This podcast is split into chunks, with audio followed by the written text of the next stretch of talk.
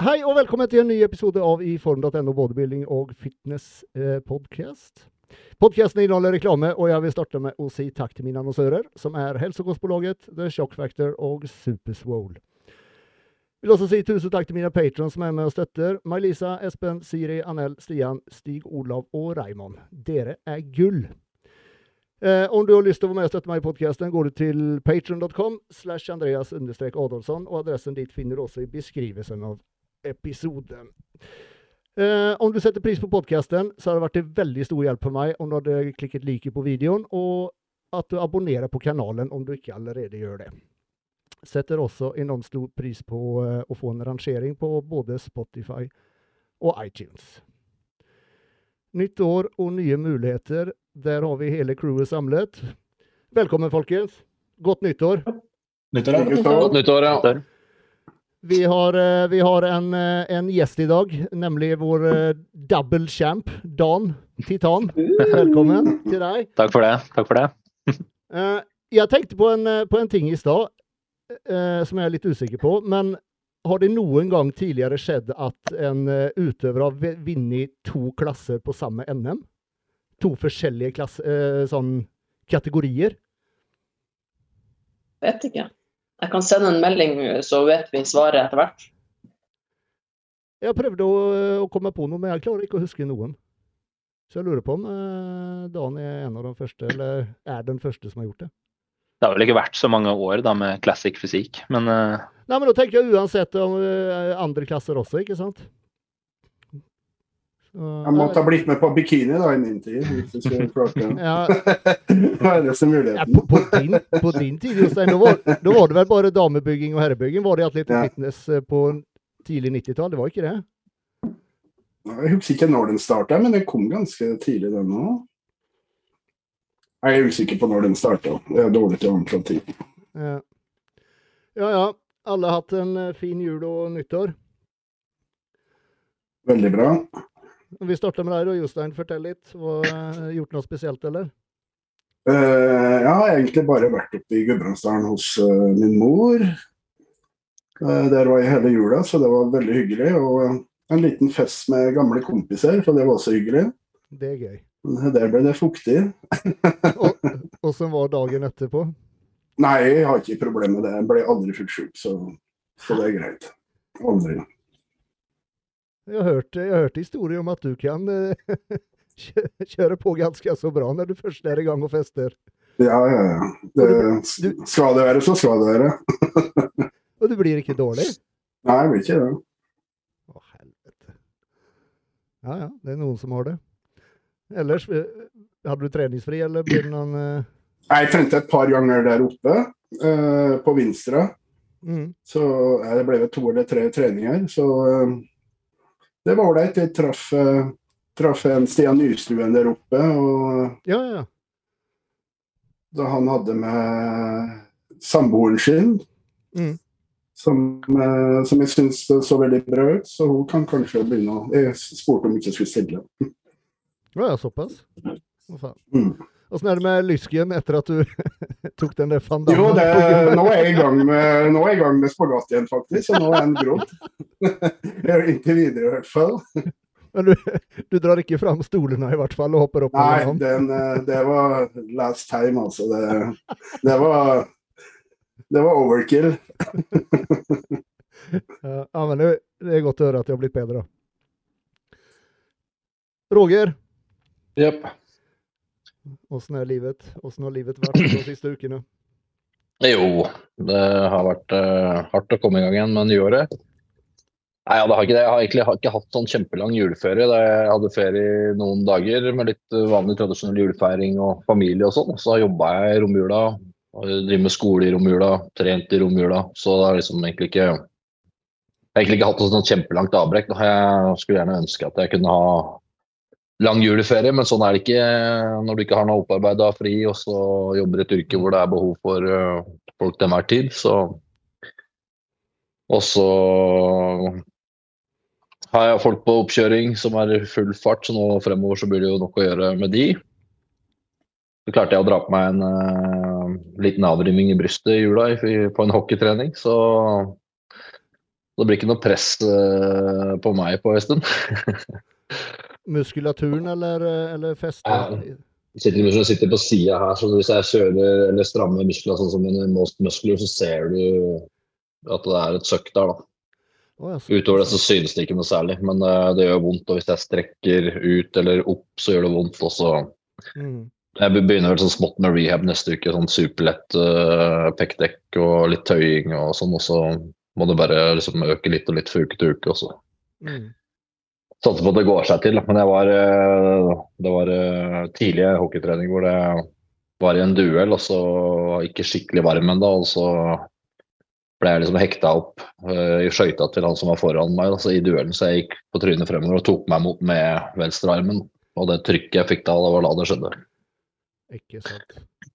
Så det, så det, skal være et eller annet vet du, hele tida. Det ja, kan, ikke, kan, ikke, gå skadefri. Det funker ikke. Nei, ja. Du har blitt master nå, vet du, Roger. Ja, ja, ja. Til de grader. Må ha litt avrivninger, da. Kjente, kjente, kjente, du direkte at det skjedde noe, eller ja, var det først? Ja. ja. ja du gjorde det. Jeg kjente det med en gang. Ja. Og det var liksom en følelse jeg ikke har hatt før heller, så så um, jeg har liksom ikke hatt noen ordentlig avrivning før. Jeg har hatt noen sånne smårupturer og noen kraftige stekker, men det her var en annen følelse. Så. Mm. Når du ser det, så er det jo ganske kraftig avrivning, altså. Jeg har hatt eh, avrivninger, ganske brutal avrivning i brystet sjøl, men jeg ble ikke merka av det. Nei. Nei. Nei, han ser det. Det er et lite søkk der. Det, men det er som sagt det er kun det når jeg poserer på den måten hvor jeg strammer brystet inn, hvor du ser det komme frem. Så i double biceps eller eh, side chest eller sånn, så ser han det ikke. Så det, det er Jeg må liksom presse brystet innover. Da ser du det. Så jeg er sånn, jeg er sånn tålelig grei form nå, men jeg er veldig spent på å se hvordan det blir når det får grodd seg til og jeg kommer ordentlig lavt i 5 da. Så, men det, det, blir, det blir en bitte liten skjønnhetsfeil. Jeg tror ikke det blir noe som folk legger merke til i stor grad også. Blir det blått og sånn, eller? Nei, det ble ikke noe særlig blått. og sånn. Det ble, litt sånn farge der, men det var ikke noe massivt. Mm. Så nå, nå skal det mye til for at jeg får uh, At jeg blir blå og sånn i huden, faktisk. Så, uh, Hvis du har i avrivning, så kan det bli skikkelig blåsvart. Jeg var jo blåsvart helt ned på, langt ned på låret, faktisk, når jeg hadde brystavrivning sjøl. Ja, det, er jo, det er jo kapillærer da, selvfølgelig som går inni der. Ja. Jeg har sett uh, noen som har blitt uh, hvor det har sett ut som du har fått skikkelig juling, for å si det sånn. Mm. Så, men det ble ikke så ille på meg. Så det, men sånn er det. Da er det ny skade. Det mest frustrerende med det er jo at da går det jo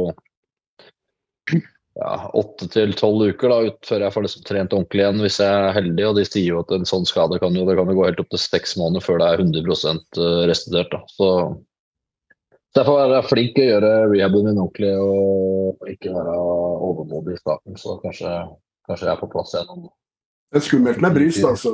Det er det. Ja. Jeg hadde jo, når jeg fikk avrivning, så prøvde jeg etter fem uker, for da fikk de hammerutstyr på gymmet. Prøvde litt lett. Og da fikk så en piskeslag, altså, da var det en liten avrivning på nytt igjen. Så det... Ja, ja nei, jeg skal gå veldig rolig og fint fram. Så. Men hva går du etter da, sånn Eller når, når sier du til deg selv at det er bra? Er det når det slutter å gjøre vondt, eller? Ja, når jeg ikke kjenner noen ting, så, må jeg jo gi det litt tid. Jeg må liksom, når jeg ikke kjenner det, kjenner det på noe som helst vis lenger, jeg føler jeg har full, full uh, bevegelighet uten at det uh, er noe irritasjon i noe som helst form, og sånn, så, så, vil jeg jo la det gå noen uker til. og Eventuelt så kan man jo ta helt sikkert ta en ultralyd og, og sånn for å se. da. Mm. Så, men jeg har liksom fått beskjed om et, sånt, et, et cirka tidsestimat, og så må jeg liksom kjenne på det litt i tillegg. da. Men jeg, vil gå, jeg kommer til å gå veldig forsiktig frem, så mm. jeg tar ikke noe risk her. Så. Nei, nei, det er ingen vits. Nei, nei. Så heller gå fire måneder liksom, før jeg presser altfor tungt, enn å hoppe i det så fort jeg kjenner at det ikke er noe smerter der. Også. Ja. ja, helt klart. Helt klart. Ja. Og Dan, du er i gang med å kjøre tung, tung bøye igjen? Nei, jeg er ikke det nå. Jeg, jeg har begynt å få hjelp av han eh, godeste Roger her nå. Så um, første gang i livet så skal jeg ha coach til å styre meg treninga mi. Jeg styrer jo kosten nå, da, men uh, det har jeg hatt før. Men, uh, så det er spennende. Uh, veldig gøy. Veldig gøy. Er det ingen bøy på programmet da, mener du, eller? Nei. Men jeg har nok annet, uh, annet å styre med, så det, det går greit. Bøy har liksom vært en sånn greie for å Det er ikke nødvendigvis at det bøy uh, har vært uh, den viktigste øvelsen for å bygge bein, men det er noe med det å dra på trening med et litt overordna mål om å bli litt sterkere og sånn. Det har vært en fin motivator til å trene bein hardt, da, for, meg, for min del i hvert fall. Ja, ja nettopp. Det, det, var jo det vi snakka om sist vi møttes opp i ja. Trondheim, ikke sant? Så, men det, det, er helt greit. Nå syns jeg det er artig å, artig å følge treningsplanen og, og sånn, så det er kult. Ellers har jeg fått Nei. Er det stor forskjell, uh, sånn som Roger har satt opp treningen mot hva du har trent før, eller? Er det store forandringer? Nei, ikke veldig. Men det er vel kanskje det at jeg har de faste øktene å forholde meg til. Da, Altså at jeg har enda litt mer fokus på den eh, progresjonen fra økt til økt og mer med loggføring og sånn, som jeg ikke har gjort uh, like mye tidligere. Så det blir okay. spennende. Ja. Noen planer fremover? Har du, har du satt deg noen mål om neste gang du skal, skal trå til? Nei.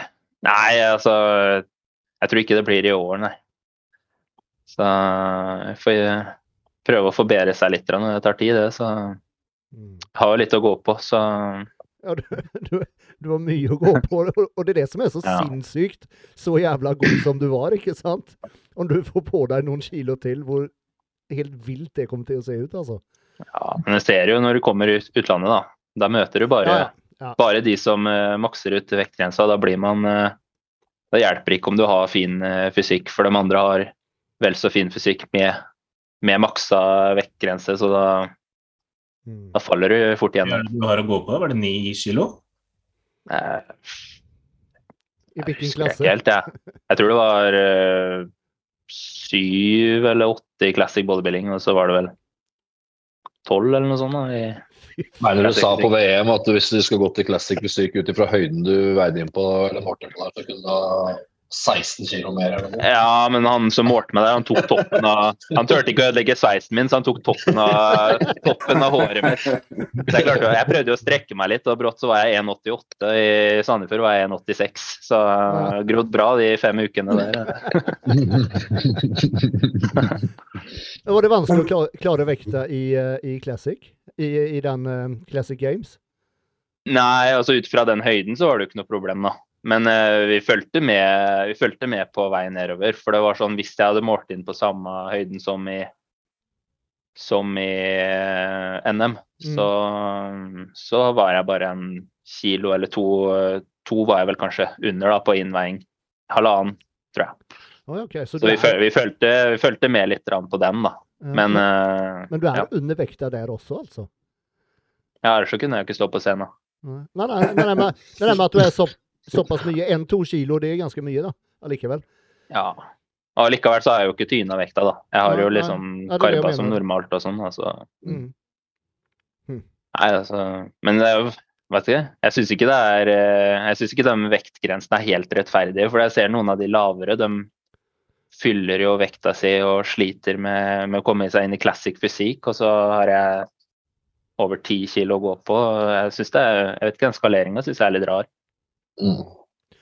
Ja, det er bare å eh, se på Olympia nå, ikke sant. Bamsted, da, som er uh, rimelig høy. Når du mm. sammenligner han med noen lavere gutter. Det, liksom, det, går liksom ikke å sammenligne, på en måte.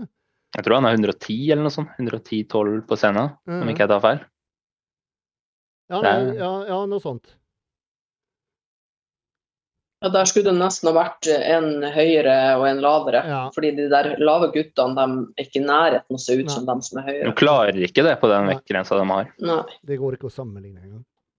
Hvordan var forma der, Dan, i forhold til her hjemme? Um, jeg var nå halvkilo lettere eller noe sånt, så jeg var nå kanskje litt skarpere, særlig over glutes og, og sånn. Men uh, skal jeg være helt ærlig sjøl, så syns jeg jeg var litt skarpere, men kunne kanskje mista litt fyldighet i overkroppen da, som jeg, som jeg hadde i NM, men som kanskje ikke jeg hadde der nede. da. Men igjen, det var, var en lang dag der nede, og vi trodde vi skulle på scenen tolv, og så var vi ikke på før seks eller noe sånt. Altså, det er jo sånn det alltid er, men uh, det er vanskelig å forutse. da. Mm. Vi gikk fra én og halv ni, og vi tippa at du skulle være på mellom tolv og to. Ja. Så det, det ble jo litt annerledes. Men det, Så det er ikke alltid like lett å time, men jeg syns det var bra. Og det er som du sa, han var litt lettere, og så at det var litt hardere i beina. Mm. Men kunne sikkert hatt litt mer karb. Du tåler jo veldig mye karb, da. Ja. Jeg ser også når du har spist på diett, så har du ligget ganske høyt hele veien, så mm. Nei, det er noe, noe å ta med seg videre, i hvert fall. Det mm. trenger ikke å Helt klart. Det er jo det som er vanskelig òg for dere. Eller bare å komme inn hard, og så skal du liksom være fylt samtidig. Og første sesongen din i bodybuilding-klassen, det er klart at det hadde vært rart hvis du klarte å matche og time alt perfekt. Ja. det er jo det er flaks i så fall, nesten. Ja. For det er så Det er uansett å foretrekke å være, komme inn hard da, enn å begynne å gamble på å bli fyllig, Ja, spesielt i de feltene der som det er såpass mye bra.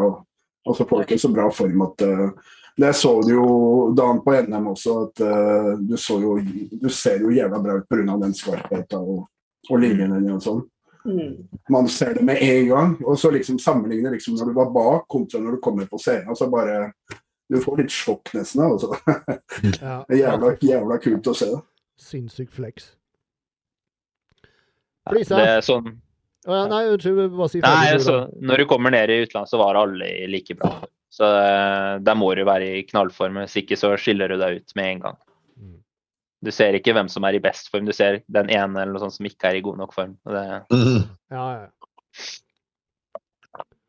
Flisa, talk to me. Ja. Nei, det har egentlig vært ganske stille og rolig. Jeg har stort sett egentlig bare jobba. Så jeg har liksom ikke noe sånn Jeg har ikke så mye å fortelle. Du, du har hatt så jævla mye fri du hele høsten, som alle konkurranser. Altså, jeg har litt å ta igjen, jeg. Ja, nei, det har vært uh, egentlig stort sett bare vært fulgt opp med, med, jobb egentlig hele tiden. Og nå, som Roger sier, så er jo sesongen i gang, så nå er det jo full kjør med utøvere og med poseringsakademi og litt diverse ting å planlegge og styre med. Mm. Begynner de fleste utøverne på diett nå etter nyttår, eller er det mange som har begynt før? De fleste begynte vel i starten av desember. Ok. Så um, egentlig alle gjorde vel det. Og så um, fikk de vel Fikk spise litt på julaften, og så har det vært tilbake på full diett siden da. Er mange, mange fra dere nå som stiller, eller? Uh, hva er vi på? Elleve stykker, tror jeg. Ja, Det blir, blir flere og flere hele tida. Ja, altså det er jo gjerne litt sånn opp og ned. og så Vi har vel stort sett starta med rundt sånn 15-16 stykker, og så er det alltid noen som faller av, ting ikke passer helt. Um, så ender opp på rundt pluss-minus ti stykker, stort sett. Okay, ja. Er det noen av dere som stilte i fjor, som stiller igjen? Nei. Nå er det vel bare debutanter, med unntak av én, men hun er fra Island, så jeg regner ikke med hun det stykket der. Nei. Så utenom det så er det vel bare debutanter denne sesongen. Mm. Og Heidi? Så det er litt gøy, for da starter på en måte alle på, på samme nivå, holdt jeg på å si. Ja, ja, ikke sant. Enn du, da? Du, du, skal ikke stille? Hvem veit. Det er for tidlig å si, er det ikke det? Neida. Nei, jeg, jeg kjører full diett og sånt uh, for tiden, men ikke noe planer om å stille til, til våren. Var det ikke det du sa at du skulle gjøre? Jeg hadde lyst til det, men det avhenger av um, Eneste som på en måte kan få meg til å ville stille nå til, uh, til våren altså det, det, er to ting. Enten at formen er så jævlig bra når det nærmer seg konkurranse, at jeg da bestemmer meg for at OK, vi kjører. Eller at jeg da får en, um, en sponsor som jeg har vært i kontakt med, som har snakka mye, men ikke fått noe tilbud konkret. da. Hvis de er interessert i å betale alle stevner og sånt for meg, sånn som de har sagt, så kan det fort bli at det blir konkurranse til våren. Hvis ikke, så tar jeg nok eh, pause litt framover. Hva er det for sponsor? Det er noe som heter Chiefs fra Sveits, som er eh, egentlig en konkurrent av Barbells og, um, og Propud. Okay. Så de driver egentlig med ja, samme type produkter. da. Så de ønsker å satse for fullt uh, her som nå i Skandinavia. Så, oh, ja. så det, de, det, de, sa da når de kontaktet meg, var at de ønsket å, å fullsponse meg med at jeg fikk liksom alt av produkter som jeg ville ha, uh, i ubegrensa mengde, og at de var interessert i å betale alle konkurranser for meg. Uh, da både fly, hotell konkurranseavgift og alt sammen, så jeg stiller i utgangspunktet gratis, da. Ja, det er jo helt sinnssykt. De... Ja, det var sinnssykt, og det, var liksom, det hørtes for godt ut til å være sant. Og foreløpig har det bare, bare vært prat. Så Men de, de kontakter deg? Ja. Ja, det, det er et godt tegn, da. Ja, det er jo moro, det. Huh. Så, men samtidig så er det sånn det, det, var jævlig kult der og da at de tok kontakt, men fram til jeg på en måte har noe helt konkret ja. og litt signert, så tar jeg litt lett på det, holdt jeg på å si, for det er ingenting som er sikkert. Så, så dette, sånn som de snakka om, så skulle ting være på plass i november. Nå er vi ute i januar, jeg har ikke hørt noe mer ennå, så mm. Så jeg belager meg ikke på at de plutselig dukker opp nå og sier at de vil ha meg på scenen til, til våren igjen. Ja, om, om, om, du nå hadde fått, fått, i land den dealen der, så er det jævlig bra, da. Ja, altså det, er, det er ikke mange som har det. det er rett og slett drømmen. Altså, ikke ha noen utgifter med konkurransen, det er rett og slett bare å fokusere på, på det du skal gjøre, og så er alt annet dekka, på en måte. Så det har vært mm. helt nydelig. Ja, det går mye penger, altså, med hotell og reiser og alt som er. Det gjør det. Det går fryktelig mye. Er, Marius, det, det firmaet med de bikini og sånt, det er kanskje ikke noe du vil ta opp? Hmm? Det er firmaet som har uh, produserer bikinier og sånt, som vi prata om da vi var nede i Finland. Der. Som tok kontakt med det. Ja, Bedazzled? Ja. Uh, ja, nei, altså, det er jo ikke noe, det er ikke noe privat for min del, holdt jeg på å si. Um, du, bruker ikke bikinier du, Marius? jeg har fem stykker liggende, men jeg bruker ingen av dem. bare, når du er alene hjemme? ja, det er jo stort sett hele tida, da. Så. så nei, um, ja, altså spon Sponsorer og sånt finnes det jo masse av, men um, i forhold til personspons, sånn som disse bikiniselskapene Jeg har jo to ulike bikiniselskaper i forhold til ett til poseringsakademi uh, og ett til teamet.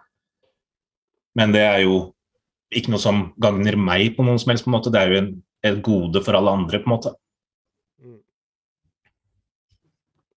All right. Og Heidi? Hatt en fin jul? Uh, ja. Egentlig så har jeg hatt en sånn Jeg vet ikke, jeg har bare gjort det samme hver dag. Julaften var julaften, og resten har vært skikkelig vanlig. Så ja, jeg har egentlig bare spist maten min og trent skikkelig bra. og Sovet lenge. Og mm. ja, så det er litt annerledes når jeg reiser hjem til Kirkenes. Da er det liksom da er det jul hver dag. på en måte. Mamma styrer og ordner det 100 nisser og uh, helt sånn crazy. Ja, ja, Men når vi er i Oslo, så er det litt sånn, ja. Så det har egentlig bare vært uh, ja, veldig deilig å bare trene og ha vanlige dager uten å på en måte gjøre noe annet som tar den tida. Mm. Mm. Du har jo snakka litt om uh, comeback. Har du, blir det noe i år, eller? Vi får nå se. Jeg er nå i god form, så bra start hvis jeg kjører på. Men uh, nei, vi får se. Jeg, jeg, har sagt til de andre òg jeg vet sikkert ikke sjøl før fristen er gått ut. Da må jeg betale dobbel pris for å komme meg på lista. Er, er, er du på diett nå? Eh, ja. Ja. du er det? Ja. Nei da. jo da. Men, eh, men, jeg bare, men jeg har sagt til de andre òg at altså, hvis jeg starter nå to måneder på diett, så diett for meg er ikke vanskelig. Så det er ikke sånn at uh, hvis jeg går to måneder på diett nå og tenker at nei, OK, jeg er ikke bra nok, så er ikke det noe sånn tapt tid eller Altså, det går helt fint. Så det er ikke noe Jeg spiser maten min og tenker ikke noe mer over det, egentlig. Det er ikke noe Så ja. Men så har jeg vært på Jeg har faktisk vært på kurs siden sist. Eh, Chris Bernardino heter han vel. Han har faktisk hatt samme lærer i USA som han hypertrofi-coach. Så det var skikkelig Det er sånn biomekanikk og øvelseanalyse og sånn. Og skikkelig, skikkelig, skikkelig bra, altså. Det er sånn, det er gjennom AFPT, da. Mm. Men uh, man kan jo sende sånn her uh, uh, hva skal jeg si, tilbakemelding og sånn da, til AFPT etterpå. Så jeg tenkte jeg har ennå ikke gjort det, for da er jeg veldig treg.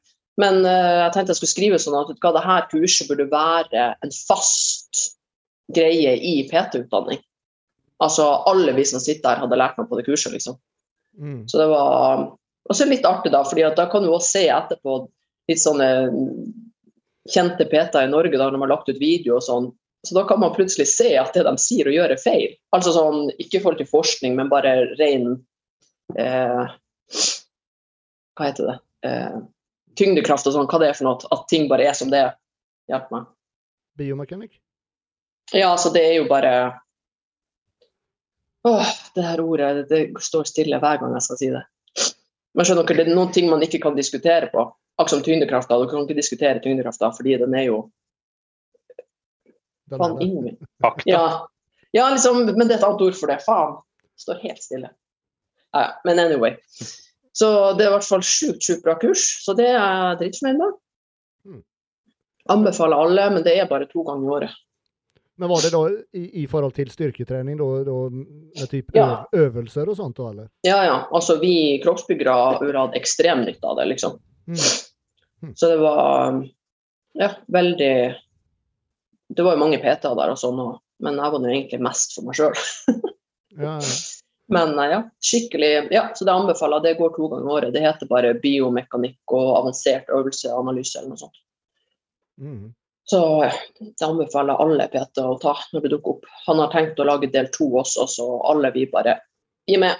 For det var Ja. Yes. Han er spesielt flink, han der. da Han forklarer ting veldig sånn enkelt. Det er liksom ikke alt Det kan jo bli supervanskelig med utregninger og alt, men det er veldig, veldig flink lærer. Mm. Kan ikke bare ta et kort eksempel på noe, noe som dere gikk gjennom? Bare for å høre litt? Um, altså, det er jo veldig mye forskjellig, men det er jo liksom bare sånn uh, Altså uten å gå for dypt inn i noe. Sant? Bare den her med at man uh, Med knevandring, sant. At knærne går forover. Da mm. måler du deg jo ut fra et punkt, fordi den veien fram til kneet blir lengst, sant? så du vet at det er jo musklene forside lår som brukes. Mm.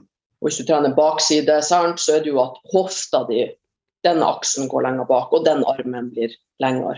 Men mm. altså, etter det kurset så kan vi til og med eh, Mange av de på nattamaskinene på gymmet vårt, f.eks. Eh, vi har to leg extension.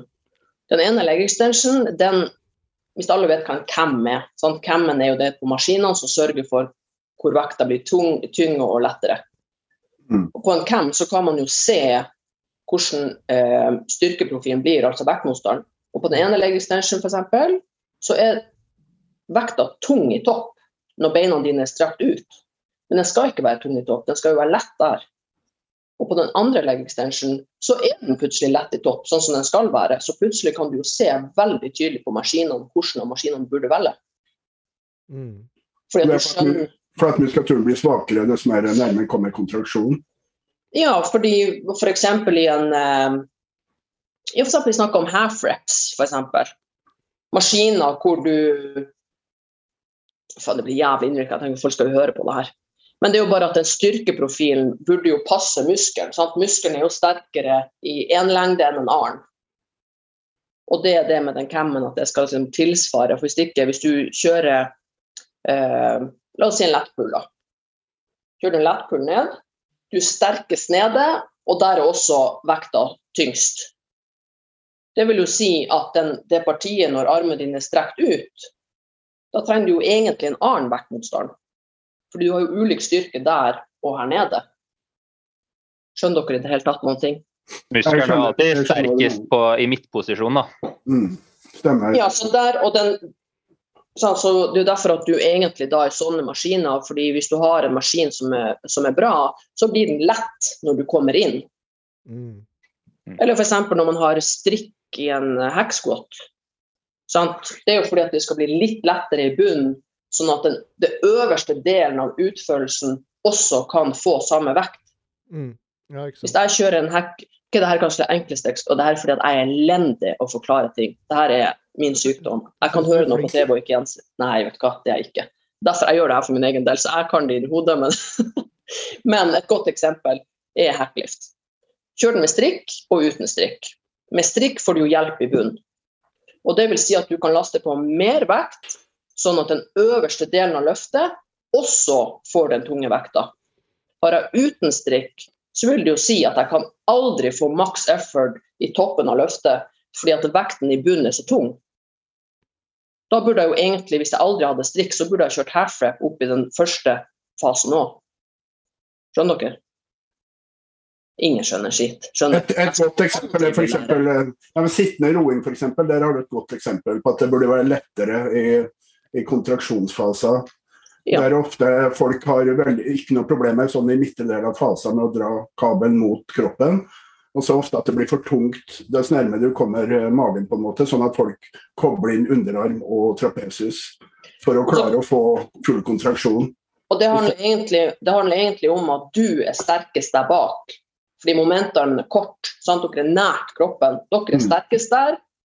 Og det, ikke, og det, vil jo si at du burde hatt en annen vekt da, egentlig, på leddet før, altså når armen var strekt ut.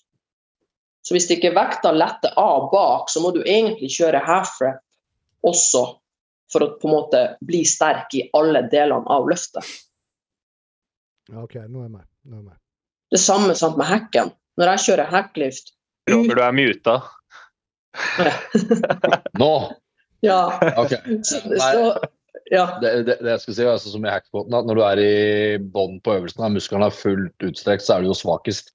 Når mm. musklene er kontrahert, da er du sterkest. Derfor blir det som Heidi sier, at når du er i bånn der, så hvis du skal eh, ha en vekt som gjør at det er kjempetungt i bånn, så vil du uh, ikke ha nok vekt til at det blir kjempetungt på toppen.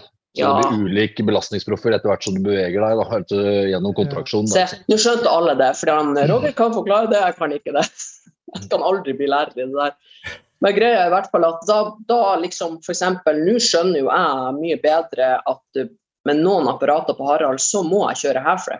Hvis ikke jeg har spotter som hjelper meg i, siste, i det siste draget for å komme meg bak. For jeg vil bare trene med en vekt som, som passer én del av løftet, på en måte. Mm. mm. Men det er også som Dan sier, at hvis du tar sittende roing f.eks., så, er du, så er du ganske svak i kontraksjonsfasen. Den blir veldig forskjellig i forhold til hackliften. Der vil du være sterkest i midtre del av, av fasen, så vil du bli svakere etter hvert som du nærmer kontraksjon på lats f.eks. Og Derfor du ser gjerne at folk vipper skuldra bakover for å jukse litt med romboideus og lats, eller jeg kaller det for juks i hvert fall. Ja, men når hendene er helt bak, liksom, at jeg er mm. helt bak, så er jeg jo egentlig veldig sterk. Det er jo, jeg er jo supersvak når jeg er langt uh, unna. Et eksempel er sidehev da, med Mandal. Når du står med en sidehev med manual, så er det jo ingen belastning omtrent i bånn, og så har du tyngst belastning her oppe. ikke sant? Hvis du kjører en sidehev i kabel, og kabelen er riktig, så kan du få den tyngst i bånn. Ja. Så du får, du får uh, trent forskjellig uh, del av kontraksjonen, mer eller mindre. ikke sant? Ja. Sida er vår perfekte eksempel, for det burde jeg egentlig kanskje ha tatt som det beste eksempelet. Fordi vi er svakest i toppen, så da må vi trene med en vekt vi klarer å dra opp i topp. Men nede i bunnen så hadde vi jo klart mye mer vekt å løfte på hvis vi hadde kjørt half-rep med sidehev. Så det vil si at den første delen av løftet mitt i sidehev skulle egentlig hatt mye mer vekt. Og det er derfor at hvis du trener sidehev i en maskin med perfekt kam, som gjør at løftet blir lettere når du kommer opp, så kan jeg trene med en vekt som passer på en måte alle delene av løftet. Bare et godt eksempel der når du kjører side, hvis du lener deg motsatt side. At, du, at man sitter, ligger litt skrått på en måte, eller står skrått. da. Sånn at uh, tyngdepunktet blir tøffere i øverste del. Og det blir også tyngre i startfase. Eller det blir lettere i øvre del. Mm. Du kan f.eks. legge deg skrått på en uh, benk òg. Ja, det, var det, jeg tenkte på da. Da starter du med vekta på en måte i, i en, med lengst vektarm. Og så jo mm. lenger ut i løftet, jo kortere blir vektarmen. Mm, ja, og, den, og den belastningsprofilen er jo best, fordi når armen din kommer rett opp, når jeg ligger på sida og armen opp, så blir det lett. For da er armen helt opp. sant? Den er jo sånn. Her er det jo lettest, for da er det ledd mot ledd mot ledd. Så det, hvis du skal gjøre en side av og ikke har noen andre muligheter, f.eks., så er det en god mulighet å ligge skrått. Så må jeg si beklager på forhånd hvis jeg har sagt noe feil, fordi jeg har ekstremt vanskelig for å snakke om sånne her ting til andre. Det er liksom eh, ja. Det å ta det sånn på sparket òg, det er jo det er ja, altså, avanserte saker, det her. men grunnen til det her kurset, da, det er jo egentlig for oss PT, for hvis jeg har en kunde som jeg ser én gang i uka, så burde jeg velge helt optimale øvelser for fremgangen. Vi trener mange, mange ganger i uka, sant. Så det er jo egentlig bare det, også med stabilitet. Et eksempel, jeg tok en facepull sittende på benk med ryggstøen, ansiktet inn i ryggstøen. Så jeg var helt stabil. Og da dro jeg nesten hele magasinet i facepull. Og så gikk jeg jo av stolen og sto. Ja, da klarte jeg jo bare halvparten, fordi kroppen klarer jo ikke å holde det igjen. Så det vil jo si at bakside skulder aldri blir belasta maks så lenge jeg kjører en stående facepull. Fordi det er ikke stabil nok. Og alt vi vil uansett, er jo at muskelen skal få mest mulig vekt. Så bare sånne små ting, liksom. Og som PT, hvis du f.eks. har en kunde én gang i uka, så lønner det seg jo å da få henne til å sitte på en benk, ansiktet mot ryggstøden og helt stabil, istedenfor at hun må gå ned masse på vekta, og så går hun fra timen. Muskelen fikk halv belastning, og så er det en uke til neste gang. Du ser det hvis du kjører skulderpress f.eks. Altså hvis du sitter på en benk, så er det mye sterkere enn om du står f.eks. Og det er jo for at mye av momentet forsvinner i kroppen. Når du sitter på en benk, så vil krafta på en måte gå mer rett opp. Det handler, jo ingen, det. det handler jo egentlig bare om å gjøre alt mest mulig stabilt, så du treffer akkurat det du skal treffe. Og som kroppsbygger er jo det elementært. Så det var liksom ja, jeg tror det er bedre at alle bare tar det kurset når du kommer, istedenfor at Heidi skal forklare, for da går det rett til helvete. men ja, men det er kanskje det mest spennende jeg har gjort siden sist. Ellers har jeg bare trent, spist uh, den samme maten og ja, vært hjemme. Ja. Høres ut som en grei jul, det. Selv så fikk jeg, rett før jeg dro til, vi dro til, vi var på Gran Canaria over eh, jul, ikke sant. Og rett før vi dro, så fikk jeg da svar på den jævla MR-en som jeg tok. Og den er, den er langsom, se. Den er langsom Faen, da. Du vet det er en liten del der det står sånn R, hvor du får det oppsummert i en uh, ja, par-tre linjer? Dette er oppsummeringen. det er oppsummering, altså en hel jævla A4. Det er jo ikke for normale folk å lese heller, akkurat de der nei, diagnosene. Nei, jeg har, jeg har, fått forklart. Jeg har da, eh, mm. som sagt, eh, som forventet prolaps, og så i tillegg stenose i eh, de her nervegangene som nervene går ut fra ryggsøyla. At det er trangt, altså? Ja. Mm. C4, C5, C6, C7 og C... Eller ja, mellom C7 og T1, da. Det er trangt. Nerva etter C8. Ja. Nerva etter 38. C8. Vi har, vi har hatt den her oppe før. hatt den. Men eh, så det, er, det, står ikke bra til der bak alls. Eh, har jo vært eh, sykemeldt, men så ble det egentlig bare verre av å, av å uh, være i ro. Så jeg begynte å jobbe igjen. Det ble litt bedre. Og så har jeg fått litt nye smertestillende fra legen som hjelper ganske bra. Og så har jeg fått streng beskjed at jeg måtte gå ned i vekt og få mindre trøkk i kroppen, rett og slett. Så jeg begynte på diett etter nyttår der. Men det var egentlig bare deilig, for jeg har absolutt null matlyst. Etter den Granca-turen din, da? Det blei for mye mat? Nei, nei, vet du hva, jeg klarte nesten ikke å spise der heller. Jeg gikk ned i vekt når vi var på turen. Mm. Var det ikke noe Burger King der, med andre ord? Eh, jo, det var på flyplassen. men eh, Nei, det var ikke noe Burger men det var jævlig bra mat på, eh, på hotellet. Det var jo sånn all inclusive, så det var jo mat døgnet rundt om jeg ville det. Men jeg hadde bare ikke noe matlyst. Jeg spiste jo selvfølgelig, men uh, gikk ned i vekt, da. Og så i hvert fall da begynte på diett nå etter nyttår, så tenkte jeg ok, jeg starter samme som jeg gjorde sist jeg stilte. 2500. Jeg klarte ikke å få det i meg, altså. Ikke nubbsjans. Så nå ligger jeg på 2-2-2-3.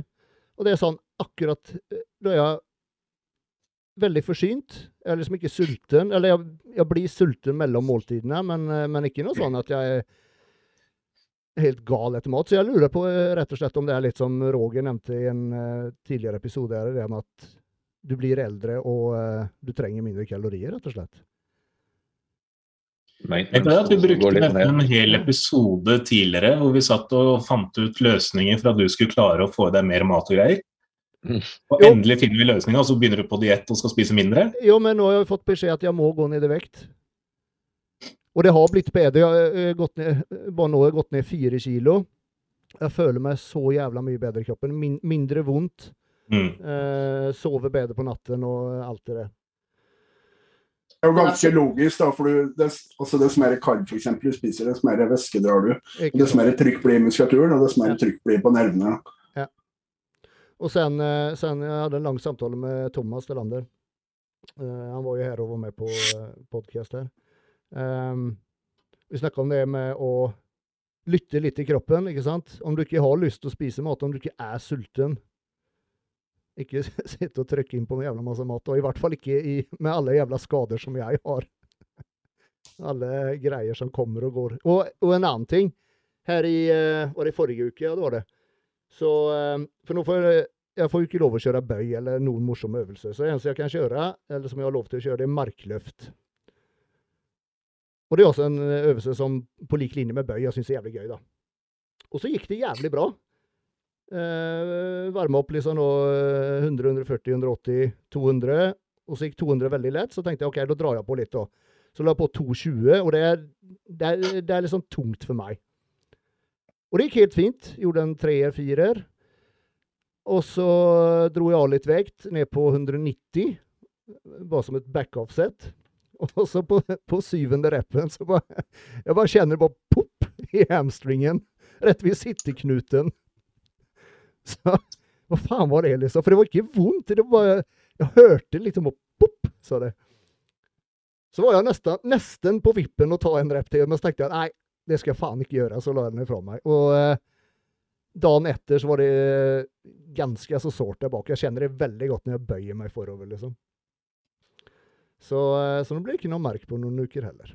Er sånn- Uansett, Andrea, Andreas, i forhold til all den kunnskapen jeg har, så, så hadde jeg ikke kjørt markløft. I forhold til cervikalvirvlene dine, som du har problemer med. For det blir veldig statisk i det løftet der, og du, det vil påvirke det negativt, det mener jeg i hvert fall. Ikke si sånt, da. Men kan du ikke trene, kan du ikke kose deg litt med maskiner og sånn? Må du drive og frese rundt med de svære løftene? Ja, men det, vil ha det han ikke får, vet du. Ja. det, Sånn- det, sånn det det. eneste jeg gjør, det er jo å trene på maskiner. For jeg kan faen ikke kjøre, kjøre noe hantelpress eller benk med den jævla skuldra mi. Så det er jo liksom bare maskiner på brysttrening. Samme på skulder, skuldertrening, på sidehev nå. Og eh, liksom bein, be, beinpress-greier, da. Men eh, jeg, jeg, jeg prøvde forresten å kjøre sånn eh, eh, omvendt i hackliften. Fy faen. Det, det går ikke ens med én plate på hver side. Men det er i hvert fall trykk i ryggen din nå når du har fått den der beskjeden. Det er jo Ja, ja, ja. Jeg skal ikke kjøre det heller. Så, men, An, eh, Andreas, et fort spørsmål. Kan, Ja. kan du ikke kjøre hantler, uh, flies f.eks. heller, på bryst? nei, ikke sant. Nei. Ikke sant. Jeg har, jeg, jeg har prøvd alt med frivekt, Mm. men det er ingenting som går. Men du vet, sånne, på visse treningssenter så har de jo sånne type apparater som er ment for eldre folk som ikke har vektskiver, men det går på sånn hydraulikk. Ja. Det er sånn du må begynne å trene. Ja, ikke sant? Én til tolv. Fikler du inn sånne knapper og sånn. Feelgood, de har jo sånt eh, senter. Ja, de er maskindrivne, de. Det- Der får du til og med hjelp i løftet. Ja, Elsykkel, bare maskin. det er fantastisk bra for folk som har mye smerter, det, forresten, og mye, mye betennelse i kroppen. Hører du, Andreas? Jeg skulle si det, ja. Men, eh, men i hvert fall nå, som sagt jeg, eh, Bare jeg har gått ned noen kilo, jeg merker stor forskjell. Så, så jeg tenker om jeg får, får ned vekten ti kilo til, og så får jeg heller bare holde Jeg trives uansett best i, i å være i god form, ikke sant. Så, så jeg får heller bare ha, ha en god helårsform, og så prøve å trene litt pent. Ja. Rett og slett. Og bli glad i maskinene. Ja, ja, men det har for så vidt blitt sånn i forhold til brysttrening og sånt. Det, det går egentlig helt fint. Herregud, jeg, jeg tror ikke jeg har kjørt benk på et, langt over et år i hvert fall. Og ikke hantler heller. Så. Men sånn er det. Bare vent, Roger. Jeg, jeg er på vei. Ja, ja, du, du er på god vei med stormskritt. Jeg har fått tak i litt mye penger, så jeg kan reise ned Midtøsten et sted og så være på sånn stamcelleklinikk eh, et halvt års tid, tror jeg. Ja, bli med. Ja. Det blir neste ferie. Det blir ferie på deg og meg.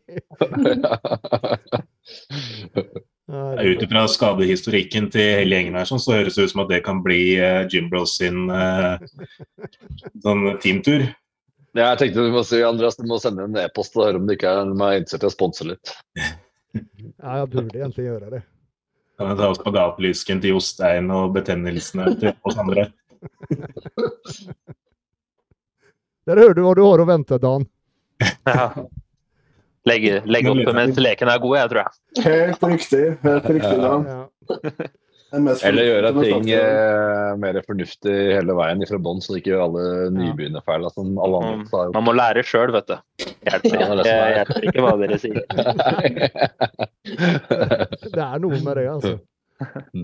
Ja, men jeg ser sjøl etter langtid sånn Doug Brignall-trening at uh, for meg så har det hjulpet enormt. Pluss at jeg tøyer mye, varmer opp mye.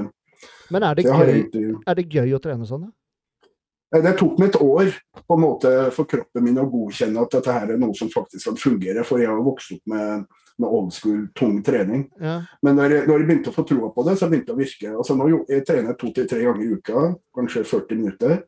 Og jeg føler at jeg holder meg ganske bra ved like med det. altså. Jeg bruker også veldig lite energi på treninga, for at du på en måte du trener det du skal trene. Lite sånn statisk belastning gjennom kroppen. Jeg står nesten aldri og kjører når jeg sitter i stedet. Og bruker den muskelen, muskelen som jeg skal bruke, og unngår på en måte å Altså, som jeg sa, liksom at du står, står opp, rett opp og ned og kjører side, f.eks., så bruker du jo på en måte beina, du bruker ryggen, du bruker setet. Du får veldig mye laktat i kroppen. I stedet for å sitte, slappe av i ryggen og bare bruke og dra med, dra med skuldra på side, f.eks. Mm. Så jeg føler da har man også mer energi til å reparere muskulaturen mellom treninga. Ja. Og da man unngår skader, unngår mye laktat.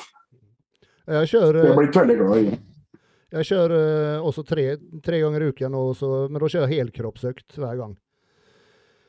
Bare baseøvelser, og så veldig få sett. Bare to-tre sett på, på eh, hver muskelgruppe, liksom. Men Det er gamle opplegget ditt òg, er det ikke det? Hadde ikke Ja, du fullført ja. før, og så begynte Ja. du med pushpull? Ja. Jeg har hatt det før Mm. også. Men eh, det er en, enda mindre volym nå. For, men eh, men det, det, var, det var også en ting jeg, jeg tenkte nå, nå Jeg ligger så jævlig lavt på kaloriene. Men, men allikevel, jeg har liksom full energi og, og fullt trøkk på trening. Like sterk og Jeg vet faen om jeg bare bruker så utrolig mye mindre kalorier enn hva jeg har gjort før. Men du, jeg er samme. Jeg trives best på 2300 kalorier. Da er jeg ikke sulten og ja, men du altså, er veier helt sånn- 30 kilo mindre enn meg, da. Nei, men det er jo fortsatt lite når man trener styrke og skal være pigg og ha energi. og det er jo liksom Du burde jo hatt enda mer, selvfølgelig, men det er jo Ja, fortsatt er det lite for meg også å føle meg Jeg skulle kanskje ha følt meg sliten men jeg gjør ikke det. Men det er jo, det er jo sånn på prep òg, da. Du, det er jo ikke sånn at det er drit og helt jævlig hele veien på prep. Du Nei, nei, går jo og har greit med energi, og det er bare siste Mm. Når du begynner å bevege deg ned Ja. mot uh, sceneform, det er jo da det begynner å suge Begynner, Begynner å få striper i, i beina og sånt, da begynner man å kjenne Ja, det er ikke moro. Men det, man ser jo hvordan det er når man har vært i offseason og virkelig spiser veldig mye kalorier. Altså Man blir veldig sliten av det, altså for kroppen bruker jo veldig mye energi. Altså Jeg vet ikke hvor mange ganger i løpet av livet jeg har holdt på å kjøre veien. altså Vi er i hvert fall på en del tusen ganger.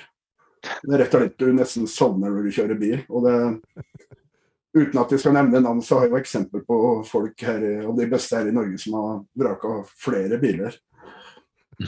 Dere vet sikkert hvem jeg prater om. Jeg har hørt noen historier. Ja. Eh, vi må ta en reklame.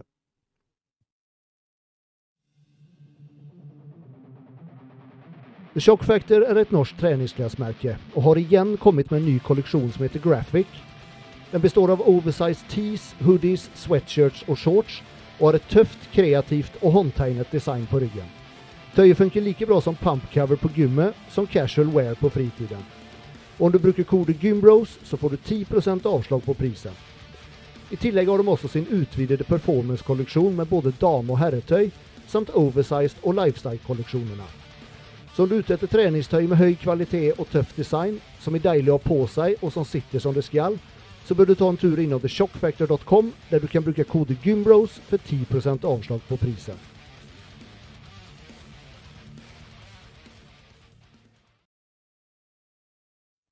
Da er vi back.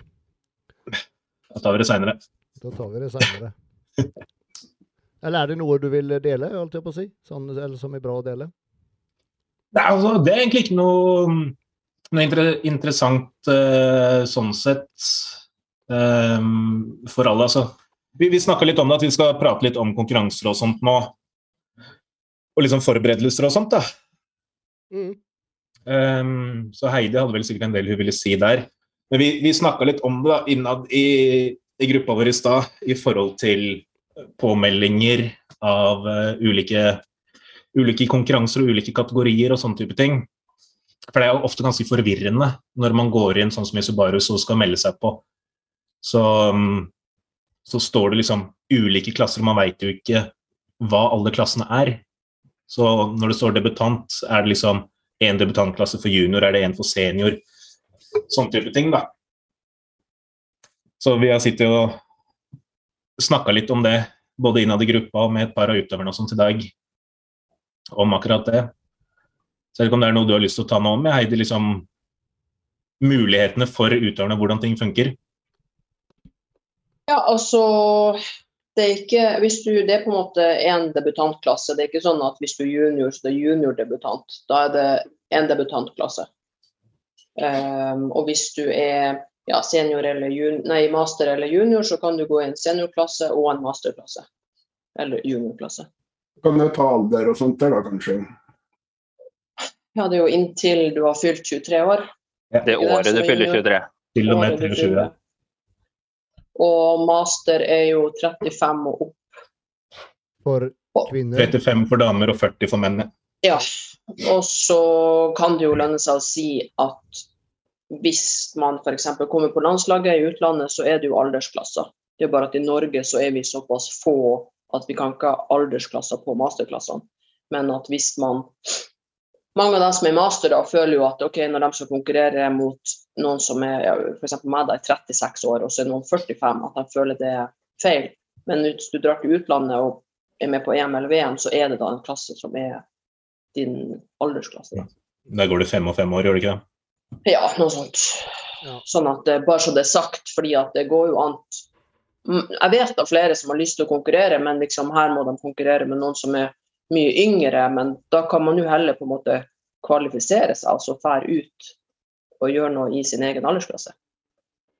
Det er bare at vi er ikke nok, det er ikke nok folk på 45 pluss som konkurrerer, så det går ikke, liksom. Og Det som du nevnte før, Marius, og det her med booke makeup, tan og alle de ja. greiene. Vi la jo ut det også i forhold til at det, Sånn som vi snakka om i stad, det med å booke hotell, da. Så er det liksom man sitter ofte og, og, venter. Nå er det jo, som vi opplevde nå, Sandefjord fullbooka per nå.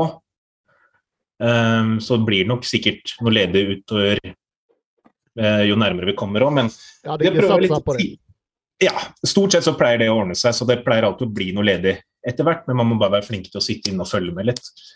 Ja, det men det å prøve tidlig utenom et tips er bare det er mm. å, å, ringe hotellet og sette seg på venteliste. For da ringer de så mm. fort de har mm. noe ledig. Mm. For det å, å, å, å, følge med, det, det, det, liksom, det, forsvinner sånn. om det blir Ja, det gjør det. Absolutt. Mm.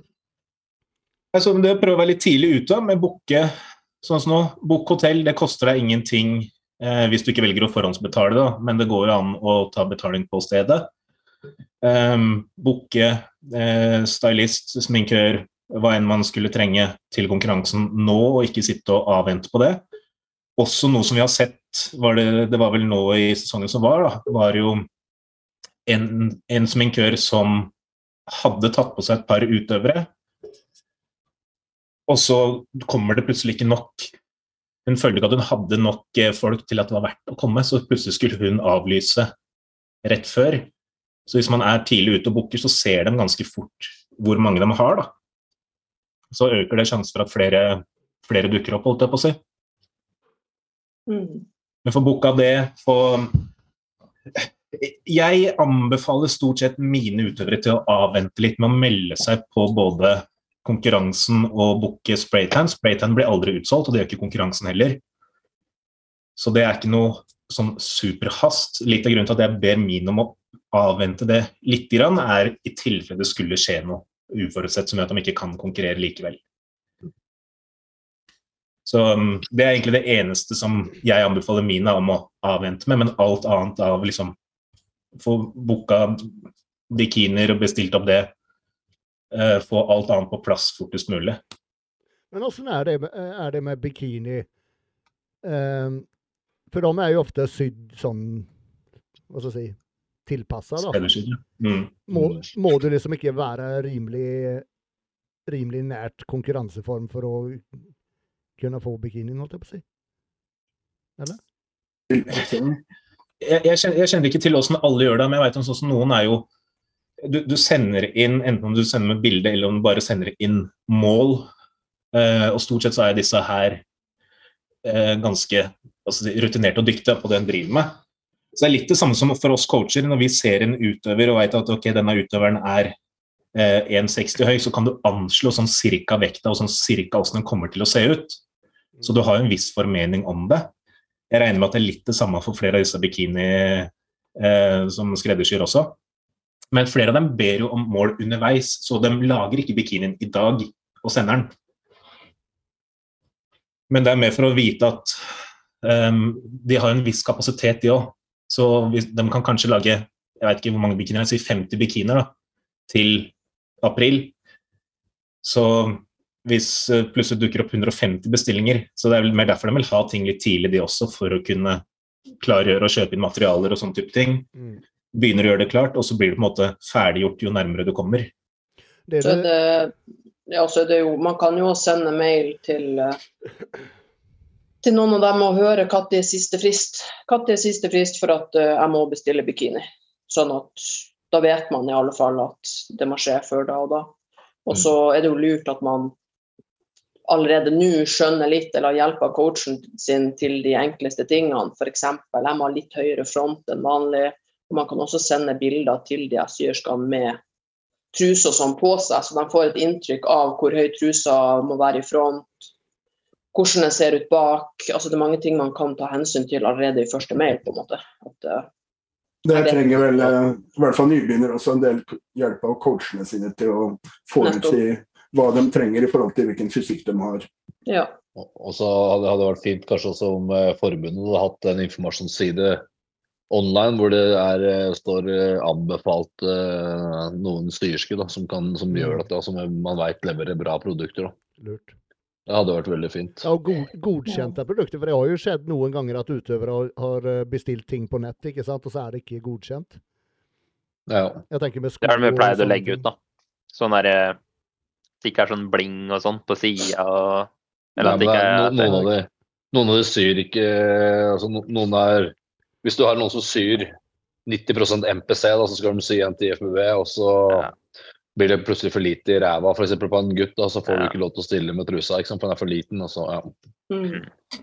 så det er litt sånne ting. Så jeg, jeg, tenker at det hadde vært veldig fint, for jeg tenker at det kan ikke være så mye jobb å bare ha en sånn side med praktisk informasjon. og så Det her er noe mm. vi kan anbefale, liksom. For det har vi hatt noen runder på her også. Det er godkjente bikinier, men de f.eks. cupene er for store, da, så de skjuler mye av fysikken. og ja. uh, så det er ikke bare å bestille en bikini som er godkjent. Ikke at jeg er noen ekspert, jeg, men jeg har jo mm. fått eh, opplevd det litt for teamet og sånn, og det, det, er mye mm. Hva skal jeg si, Du kan påvirke fysikken din ganske mye da, hvis du er med en bikini kontra en annen. Ja. Mm. Og det du sier der er veldig viktig også, Dan. Altså, det at en bikini er godkjent, det er bare at den følger krava, men det betyr jo ikke at du ser bra ut, sånn som du sier da. At mm. eh, koppene er for store. Mm. For eksempel, ja, for eksempel i fjor, tror jeg det var, da måtte jeg si til flere ok, hvis dere bestiller fra SV, det er dem i Russland, så må dere si at dere skal ha en mindre cupstørrelse enn de anbefaler. Fordi at de hele tida sender veldig store cuper. Så vet jo jeg det som dommer at har du svær cup, så ser du ikke letsen ordentlig. Sant? Men det er jo òg dere coacher må bare være obs på det. For det er litt vanskelig òg med sånn anbefalinger og sånn, for det er jo litt sånn trend. Plutselig var det masse russere som kom med truser altfor lav i front. Og så plutselig så vi det på våre jenter også, og det er jo heller ikke greit. Så det er sånn åh, det er litt vanskelig det der med anbefalinger og sånn, da. Mm. Det går jo an å legge ut eh, litt sånn som Roger sier, da, legge ut hvilken type snitt som det går an å velge i. Eh, bare sånn for å vise hva som er lov og ikke lov. Er det lov med Brazilian cut f.eks.? Mm, mm.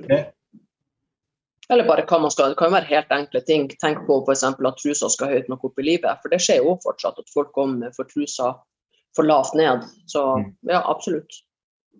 Det er jeg som, eller jeg ordner jo litt på den nettsida, så det kan jeg jo prøve å få til. Samme med Classic òg, da. Jeg bytta truse fra Sandefjord til NM nå i høst, og det var stor forskjell, særlig den Classic Fysikk-trusa. Den mm. første jeg hadde, var nesten lang som en sykkelshorts, og den andre var liksom akkurat innafor på regelverket, og da det skjuler mye av fysikken din hvis du, hvis du har feil der også, da. Så mm.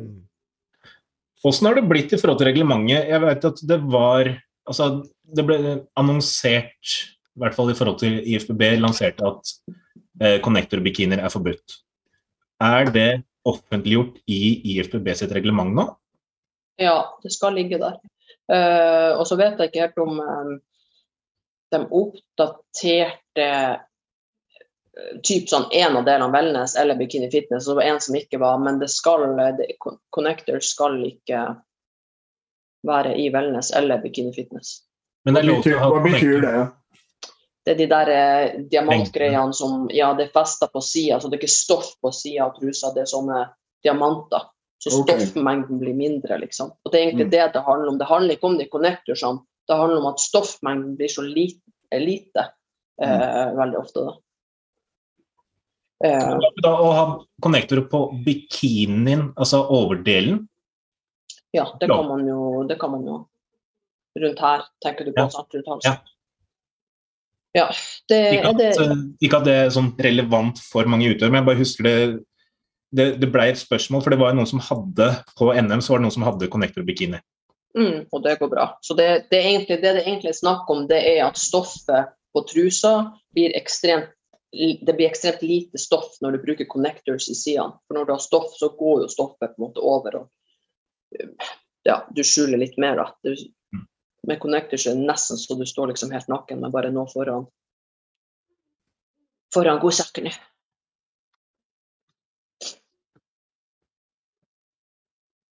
Mm. Det er vel flere ting, holdt jeg på å si. Du hadde vel noen egne punkter du ville ta opp? Nei, jeg tenkte du kunne si i hvert fall at det er fritt klubbbytte januar og februar. Så da kan utøverne bytte. Sånn er det jo hvert år. Og da kan de sende mail til meg på medlem at ifbbnorway.no. Det skal egentlig gå an til å gjøre det inn i systemet der sjøl, men det er veldig mange det ikke går på. Så jeg tror at det er et eller annet eh, feil med det. Men jeg kan i hvert fall bytte det. Så det er bare å sende meg en mail. Um, ja. Og så egentlig bare litt sånne ting som vi liksom Vi snakker jo egentlig ofte om det, men å Det med coach, god kommunikasjon med coachen din, uh, være ærlig, bruke tida godt. Jeg har jo både venner og folk jeg kjenner som Hvis jeg skulle konkurrere nå, da, så har jeg innstilt meg på at jeg skal ikke ha noe cheat days, for jeg rekker det ikke. Mens folk allerede er innstilt på cheat days og liksom feil vei feil tankemåte da, å starte en diett på. Det er bedre å være i form i tide enn å ikke rekke showday. Så liksom bare sånne ting, da. Liksom, det er jo januar, det er liksom den første starten av dietten og oppkjøringa og ja. Men jeg stusser litt på det der med Fordi folk sier at ja, det er lenge til april og sånn, men konkurransen er jo 1. april. Mm. Så det å starte i januar for de aller, aller fleste er altfor seint. Ja har liksom, vi har alltid noen som dukker opp til oss som Jeg hadde senest to som ønsker å konkurrere nå, nå til våren, som kom til meg forrige uke. Og Da er det liksom, da er det å hive seg rundt og starte sånn, da. For da er du egentlig allerede på hæla. Mm. Det er jeg tenker liksom, at det er liksom, den, den tida nå er jævlig viktig, fordi det er ikke lang tid. Det er liksom første innregistrering Sandefjord er 31. veldig tidlig, så Ja. Og at det. Enten eller så kan du kjøre en flisa med åtte uker ut og ja. Det er bare å kutte sjokoladen. Eh, Når du begynner å nærme deg, så, så går det seg. ja. Eller Burger King for andre. Eller Men det er det jeg tenker, liksom, at det er hvert år så er det òg mye jeg som på en måte får Jeg har utøvere fra hele landet, liksom. Det er en kommunikasjon der siden jeg sitter i styret, og det er veldig ofte at det er dårlig kommunikasjon mellom coach og utøver. Og det kan også være begge parter, én part eller whatever, men det er alltid det som er kaoset, som oftest når det er noe. Det er at kommunikasjon er dårlig. Så det er sånn det første punktet. liksom Vær ærlig og Har du noen type eksempler på hva du mener det er sånn? Eh, altså, I forhold til dårlig kommunikasjon? Mye. Men uh, for eksempel være, ja. Jeg bare sier Roger. Nei, det kan jo være at coachen informerer dårlig, informerer seint. Og andre veien så kan det jo være at uh, atleten kanskje ikke er ærlig, da, har utskeielser, ikke sier ifra, ikke mm. følger treningsplan osv. Det er jo sånne type ting. da. Og så Coachen har jo, spesielt overfor nye atleter, et ansvar eh, med å informere om alt som trengs å gjøres da, i forhold til konkurransen. Når du må gjøre hva, hva du skal huske på. Mm. Gjerne informere i god tid. Og så er det som sagt det, kommunikasjon må gå begge veier. Så hvis atleten er flink til å rapportere, så må også coachen være flink til å respondere. og så Selvfølgelig. Men, men akkurat det du nevnte der, som var litt av den tingen som, som jeg tenkte på som Altså, informasjonsbiten, da som, som, utøver så er du stort sett ganske stressa, og du har liksom 10 000 ting i hodet, og du vil ha svar på alt i dag. Jeg personlig pleier å gjøre det sånn innad i teamet at jeg vil ikke gi all informasjon med en gang, fordi at det er glemt i morgen uansett. Så det er ikke noe vits å liksom overlesse utøverne med liksom seks A4-sider med informasjon på en gang. Ja, men alt i sin tid. Ja, alt i sin tid. Så jeg liker mer å, å liksom dele opp informasjonen. Og jeg, det er derfor jeg spurte litt sånn om eksempel på ting. fordi at jeg ser for meg at mye av det de føler at Og jeg får ikke vite noen ting av coachen min, og liksom det er dårlig informasjon der. Det er ikke sikkert at det er dårlig informasjon. Det kan hende at coachen egentlig har full kontroll på ting, men at utøverne bare er litt utålmodige på mye. Ja. Da. Men også ting som at utøverne må skjønne Vi har alle vært eller er coacher, og vi vet hvordan å følge opp noen som ikke er ærlig. Mm. Altså, det Man må være ærlig og si har man sprukket, spist litt mer. Man må være ærlig. Det nytter ikke å skjemmes og ikke si noe, for da skjønner ikke han Roger en skitt når mm. uh, det er oppdatering, og, og, han setter deg enda lavere når du egentlig ikke mm. trengte det, for det var heller at du hadde en sprekk dagen før. Så det er jo også sånne ting. liksom, Vær ærlig. Det er det er sånn man kommer i mål, liksom. Det, det jeg egentlig skulle spørre om. Hva, hva gjør du der, Roger, hvis utøveren din rapporterer inn og vekta ikke har endra seg noe på to eller tre uker, hva er din handling da? Jeg har ikke noe fast fasit på det. Det kommer helt an på opplegget. Atleten eh, trener, stressfaktorer må legges inn i bildet. Det er jo Litt ut ifra hva Heidi sier nå, da, i forhold til den med ærligheten. Mm. Ja, nei, og Det gir jeg klar beskjed om i, i forkant. at uh, Vær ærlig og rapporter. og Vi er bare mennesker, og alle kan feile. Så, og det jeg sier, det, en sprekk er som regel ikke noe krise, men hvis det blir 20 sprekker, så er det krise. Mm. Og en sprekk kan, kan, man hente inn hvis det hele tatt er nødvendig å hente den inn. ikke sant? Det, men er man, er man, følger man planen da, og man har god progresjon og man har en liten sprekk, så pleier det aldri å være et problem hvis ikke den sprekken er jævla tett på konkurransen. da. Og mm. vanvittig diger, selvfølgelig. Over flere da, dager. Mm. Ja, så det er liksom det er noe med det. Og er man ærlig da, så er det Eh, lettere å forstå tallene som kommer inn og sånn. Og hvis noe står stille når du forventer at noe skal skje, så, så er det jo veldig greit å vite at ok, nå har jeg denne uka her eller i går så spiste jeg mer enn jeg skulle, eller ja. Mm. Og motsatt også. Noen ganger så kan de spise mindre, for de tror at det ja, ja. Da er de flink, flinkere, ikke sant. Ja, ikke sant. Så, det er nettopp sånn som Heidi sier, akkurat den biten med liksom Hvis du sprekker underveis på dietten, da, og ikke forteller til coachen din, så vil jo coachen på en måte få inn tall som, som i han eller hennes hode vil bety at ok, her må vi gjøre noen endringer. Mm. Mest sannsynlig sprakk du fordi at du sliter med liksom sultfølelse og sånne type ting. Det coachen stort sett velger å gjøre, som er en stor fare for, er jo at coachen vil kutte kaloriene dine og gi deg enda mindre mat for å få deg i form. Og du sprakk allerede fordi at du sleit med sult, og nå har du enda mindre mat. Så ved å ljuge til coachen din, så straffer du bare deg sjøl videre framover? Ja.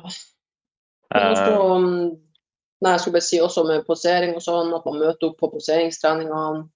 Jeg ser jo ofte f.eks. på Haralds, eh, jeg trener jo ofte når man har posering og sånn, så er det mange som de som kanskje trenger det mest, de dukker ikke opp. Liksom, det, når dere har mulighet til å trene hver helg med teamet ditt, så møt opp på det. Jeg skjønner av og til når man jobber, men ta det seriøst og, og dukk opp. Du skulle si noe, Dan?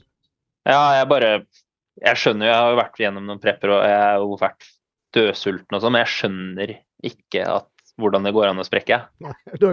Eller sånn, Det er derfor du er god. jeg, jeg, jeg, jeg mener helt ærlig, da, hvis, hvis det her er For de fleste som nærmer seg konkurranse, så, så er jo det her et altoppslukende greie. Og jeg mener, hvis du sprekker, så hvor viktig er det for deg da, liksom? Det, jeg, jeg kan ikke sette meg inn i hvordan alle føler på det, men, eh, men jeg tror Jeg, jeg er helt enig med det i Jeg, Eh, hvis du virkelig bryr deg, og virkelig er opptatt av hvordan det skal bli, så, så skjønner jeg ikke hvordan folk kan sprekke.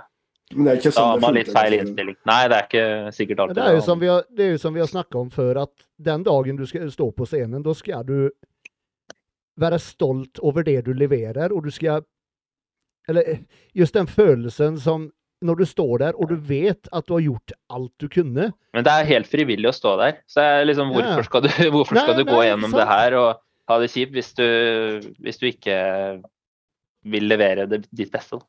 Mm. Jeg tror også, som jeg sier, jeg kjenner mange som altså jeg er allerede hvis, eh, ok, La oss si det at jeg skal stille i april. Jeg er allerede innstilt på at eh, jeg har ikke noe cheat days. Hvis jeg trenger noe, så er det mer carbs. Ok, jeg spiser mer havregryn eller whatever som jeg finner ut av, men jeg er allerede innstilt på Skjønner du hva jeg mener? Jeg er allerede innstilt på den biten. Jeg er ikke innstilt på at å, nå kan jeg ha cheat day på lørdag, liksom den der. For det har noe med den der, det inngangspunktet der. Mm. Liksom. Men her ser, du, her ser du et skille på hvem som Altså dem som ofte blir veldig gode og veldig dedikert. Altså dem, det er sjelden at de sprekker, da, at du kommer til det punktet. Man, man kanskje går heller litt opp på kalorier, eller man, eh, man, man, man er så dedikert på å nå målet at man, eh, man gjør det rett og slett ikke. Og så tror jeg også det handler om at man skjønner hvor mye som kreves. Jeg vet at hvis jeg skal ha cheat days annenhver lørdag på en hel prep, ja, da var det kanskje La oss si da, da var det 13 dager off da, i løpet av en hel, hel eh, konkurranseperiode, f.eks. Så, så det er jo også det at man jeg tror Jo mer erfaring man har, jo mer man skjønner det her og skjønner hva som kreves, så skjønner man at det er kanskje ikke rom for å ha cheat days. Jeg tror ikke man kan legge cheat days inn i et system hvis det skal komme en refeed eller noe sånt. Jeg Mm. liker heller å kalle det refeed, jeg da, men uh, ja, ja, har så, så, bør det heller, så bør det heller Ja, altså noen klarer det, men jeg syns heller at det da bør det komme fordi at de trenger det, eller at det skjer et eller annet i livet som på en måte et bryllup eller noe sånt, og de har god tid. OK, ta deg et frimåltid den, den Mm. dagen der, men det å også legge opp til at de skal spise alt de kommer over, eller hva de vil, en gang annenhver uke eller noe sånt, det tror jeg det tror jeg bare gjør det vanskeligere å ja, vanskeligere å gjennomføre, tror jeg. da. Jeg er helt enig. Jeg, jeg, altså I starten, før, før på liksom 90-tallet, og sånn, så var det vanlig å ha cheat days. Det var liksom en del av greia for å få opp igjen forbrenninga. Vi sto opp klokka seks på morgenen og spiste alt mulig av is og sånn. ikke de siste konkurransene mine så brukte jeg ikke days i det hele tatt. Jeg gjorde heller variasjon i inntak av, eh, av fett og karbohydrater og proteiner som, som jeg følte funka bedre i forhold til å få en diett til å fungere bedre, også holde forbrenninga oppe og, Mm. og Det eh, få et godt resultat. Det finnes jo masse eksempler at begge veier fungerer veldig bra. Da. Det er veldig avhengig av atletene. og Noen trenger det vinduet for å klare de seks andre dagene perfekte. Så må de ha et lite vindu i uka for mentalt da, å fikse en lang diett. og Men- Det betyr ikke mine øyne at du er svak for det. Eller, eller. Men, men gir du dem da fritt spillerom? Jeg mener liksom ikke at det er noe i veien å spise mer Ja, dag, men det å ha fritt spillerom en halv kan- dag i uka, det, det tror jeg kan være vanskelig for de fleste å, å balansere. og det, Håndtere, ja. håndtere det. Ja, Det kommer veldig an på atleten og hvem de er. Noen får et vindu på, med tid hvor de kan spise, og så er det, får de kanskje beskjed om at eh, visse ting skal de styre unna, eh, visse ting kan de spise mye av. Også andre får konkrete eh, oppsatte mengder de kan spise. Da. Og så er det sånn at det her da snakker vi ofte ganske tidlig ut også. Når jo nærmere konkurransene kommer, og mer plukker jeg vekk sånne ting og legger det inn igjen etter behov. Da, som Dan sa, at hvis det er hvis du ser at atleten helt i bånn, han trenger en liten uh, oppkvikker, så får han eh, en refeed for å liksom både få litt mettelsesfølelse og psyken litt opp igjen, og så er det kjøre på igjen. da. Men det er vel også litt mer fasiten rundt det vi snakker om, at det gjøres etter et behov. Mm. Og ikke fordi at nå går du på diett, og da skal du ha cheat day hver tredje eller hver fjerde uke fordi at sånn er diett. Ja, at du går inn med en sånn innstilling om det, liksom. At du mm. går inn med en sånn innstilling om at det, sånn er det. Nei, kanskje for deg så er det ikke som Andreas, mm. han kan spise hver lørdag. For deg hm, Du kunne ikke hatt day på hele, dietten, f.eks. Sant? Nei, jeg, jeg, kan ikke ha det. Jeg kan ikke sånn... ha cheapies. Nei.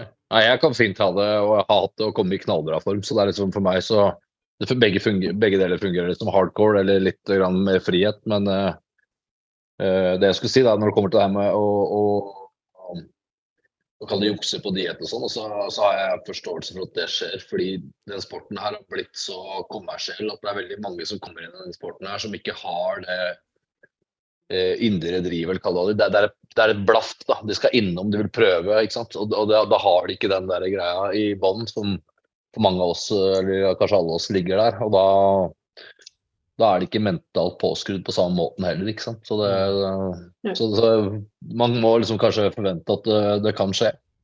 Ja, det er helt naturlig at det skjer også. Det er ikke noe skam i at man går på en smell. Så det, det er ikke det at du gjør den feilen, men det er hvordan du går videre derifra som på en måte er det viktige. Ja.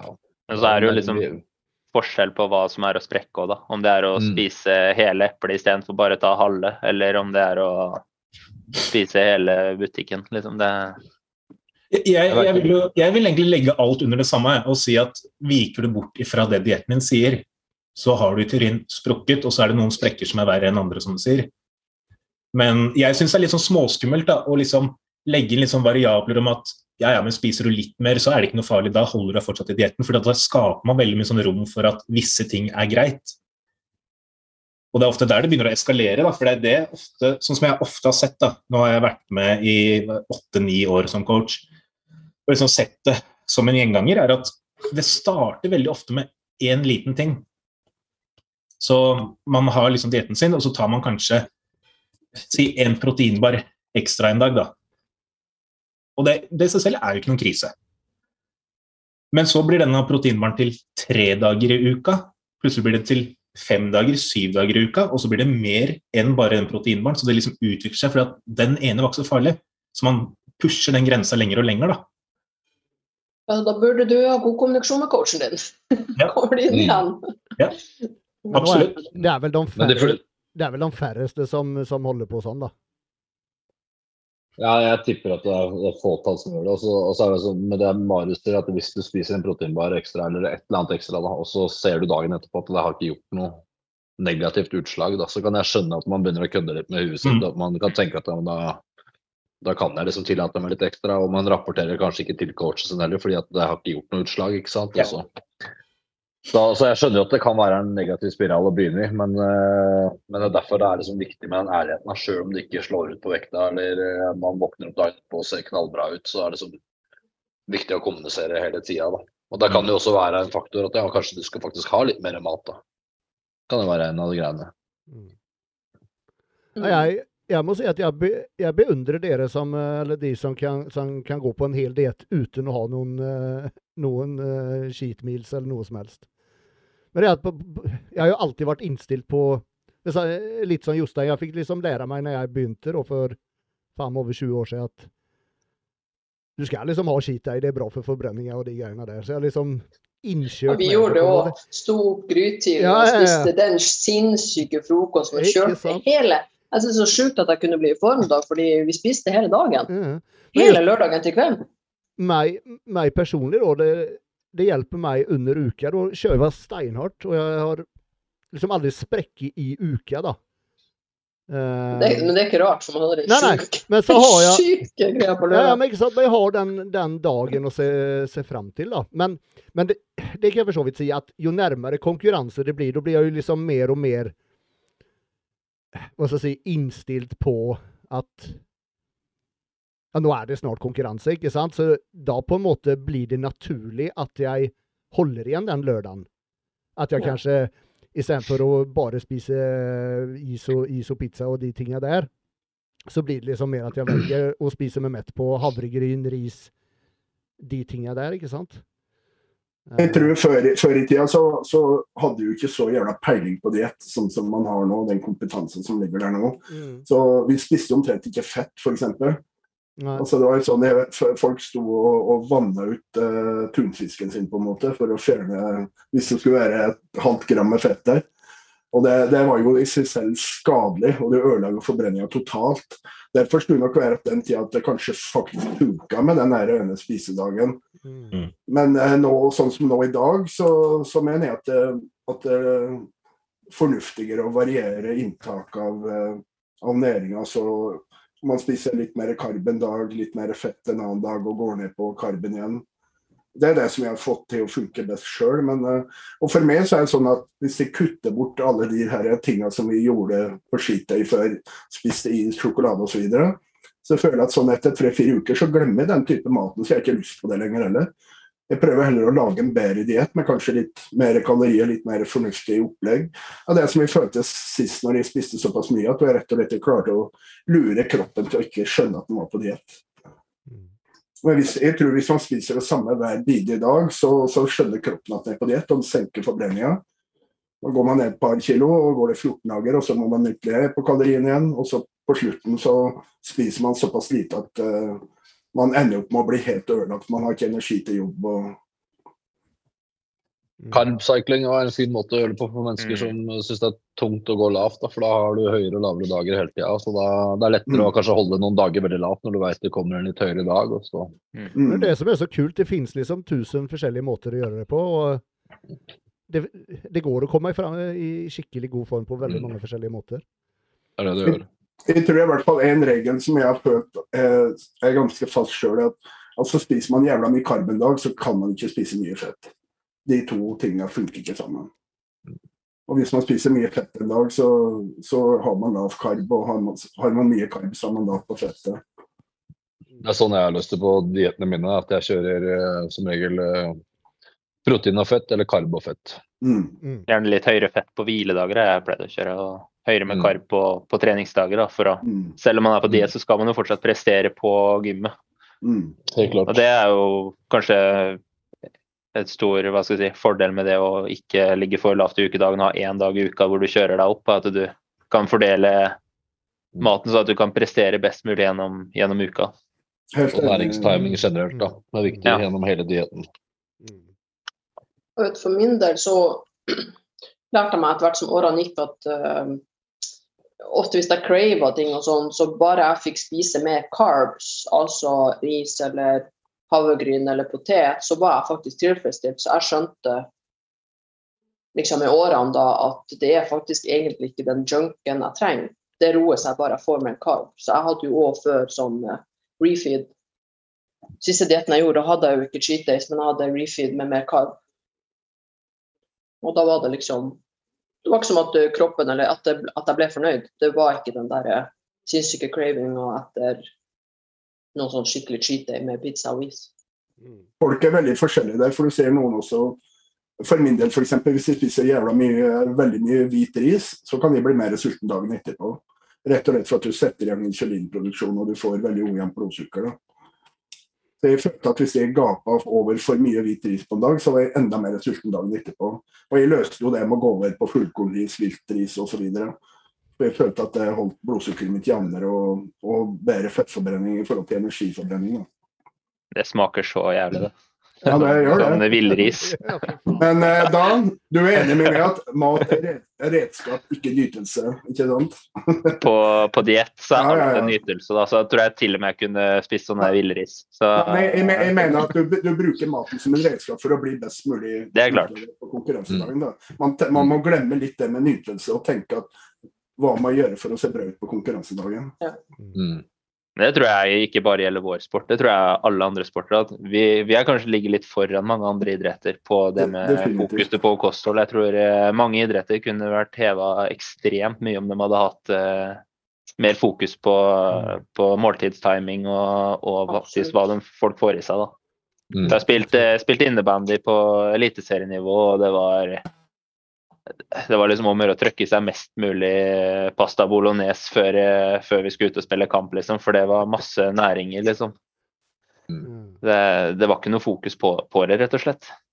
Du ser på toppidrett, topp, uh, sånn som ishockey, altså de lagene som er, har god økonomi, sånn, de har de, der har de felles måltider i løpet av dagen, f.eks. For i forbindelse med trening og forbindelse med kamp, nettopp for at de skal få i seg bra med næring og sånn, så de skal ha energi til å prestere. da. Men mm. uh, har man ikke det, da, hvis det er på et litt lavere nivå, så skjønner jeg at da er det opp til hver enkelt uh, individ. Da. Så, og da kan det bli mye sånne rare løsninger. Og det er mange som har overtro. ikke sant? Så Har de spist pasta en gang før en kamp, de gjorde det veldig bra, så fortsetter de med det. og Patrick Thoresen er ek et eksempel på det. Han hadde jo så så lang tid før en kamp, så er det alltid pasta. For det gang var bra. ja, og han har jo vært en av Norges beste spillere og har jo tatt uh, sluttspill med Russland og blitt uh, eh, henta tilbake igjen dit for å spille sammen med de beste. ikke sant? Så det, han, er, han, har ikke gjort noe dårlig, så det har fungert for han. Men uh, du kan bli ganske tung i kroppen. Jeg, hadde jeg spist et stort pastamåltid før jeg skulle spille en hockeykamp, så hadde jeg vært ganske tung i systemet, vil jeg tippe. Og selv om man er god, så betyr ikke at man ikke kunne vært bedre. bedre. Alltid. Alltid. Når jeg var 19, så satt jeg alltid personlige rekorder på gymmet dagen etter jeg hadde vært ute på byen, så Ja, jeg vet det. Prøv, prøv, den når du er 40, da. Ikke sant? jeg, er helt enig, jeg har vært hjemme med samme greiene. Ja, Men det ser jeg i hestesport òg, hvor jeg har vært i mange år. Det er jo elendig kunnskap om kosthold og sånn.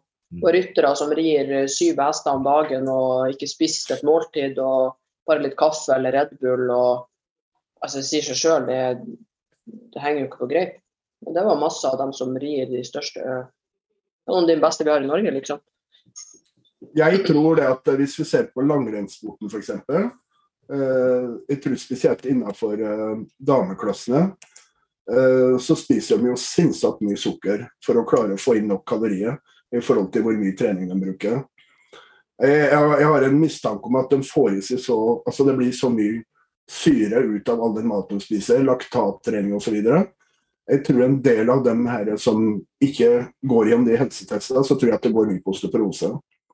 Rett og slett at kroppen klarer ikke å opprettholde balansen i blodet, altså pH-verdien i blodet, og så stjeler kroppen eh, base fra muskulatur og skjelett.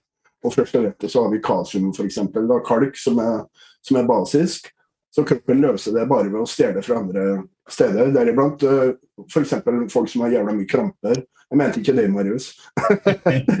men at det blir en jævla ubalanse i kroppen. da. Kroppen løser det på sine måter, men på sikt så kan det bli veldig tøft. Altså, sånn sett. Og det er veldig mange av de langrennsløperne vet jeg også som har, som har slitt med osteoporose. Altså porøst skjelett. da. Vi må ta en uh, reklame rørt om Superswole og sett produktene deres. De har alt av eh, T-skjorter, gensere, kopper, postere og andre småartikler med både humoristiske og selvironiske trykk. Og De er da myntet på og passer perfekt for alle oss gymrotter. Og Som en veldig god start på det nye året, så har de nå fått inn tanktops på lager. Skal vi se. Jeg tenkte jeg skal ta og gå inn og vise litt på websida deres. Her er websida deres, superswole.no. Og eh, her kan du bruke kode GYMBROS20 for 20% avslag på prisen. Og det gjelder da på hele sortimentet. Nå har også sagt T-skjorter, gensere, tanktopper. Shortser kommer snart på lager. Eh, de har også plakatpostere, kopper, flasker. Og de kan også bistå med profilering på ditt gym om du har lyst til det. Eh, tanktoppene kommer i masse forskjellige størrelser fra small opp til 4 XL, og det er da unisex. Og som dere ser her, så er det da masse forskjellige trykk. Alle finner noe de liker. Og det er både da som er myntet på jenter og på oss mannfolk. Dirty bulkier. Uh, cardio tar en evighet. Carbfighter, Flex Files. Uh, ja, det fins alt mulig. Leg Day Survivor, Big Thighs, Thin Patience, Muscle Mommy, Do Even Lift Bro. Uh, T-skjortene kommer i masse forskjellige farger. Hvit, svart, beige, grønn, blå og gul. Uh, de har da gensere. Litt mer myntet på jenter, tenker jeg.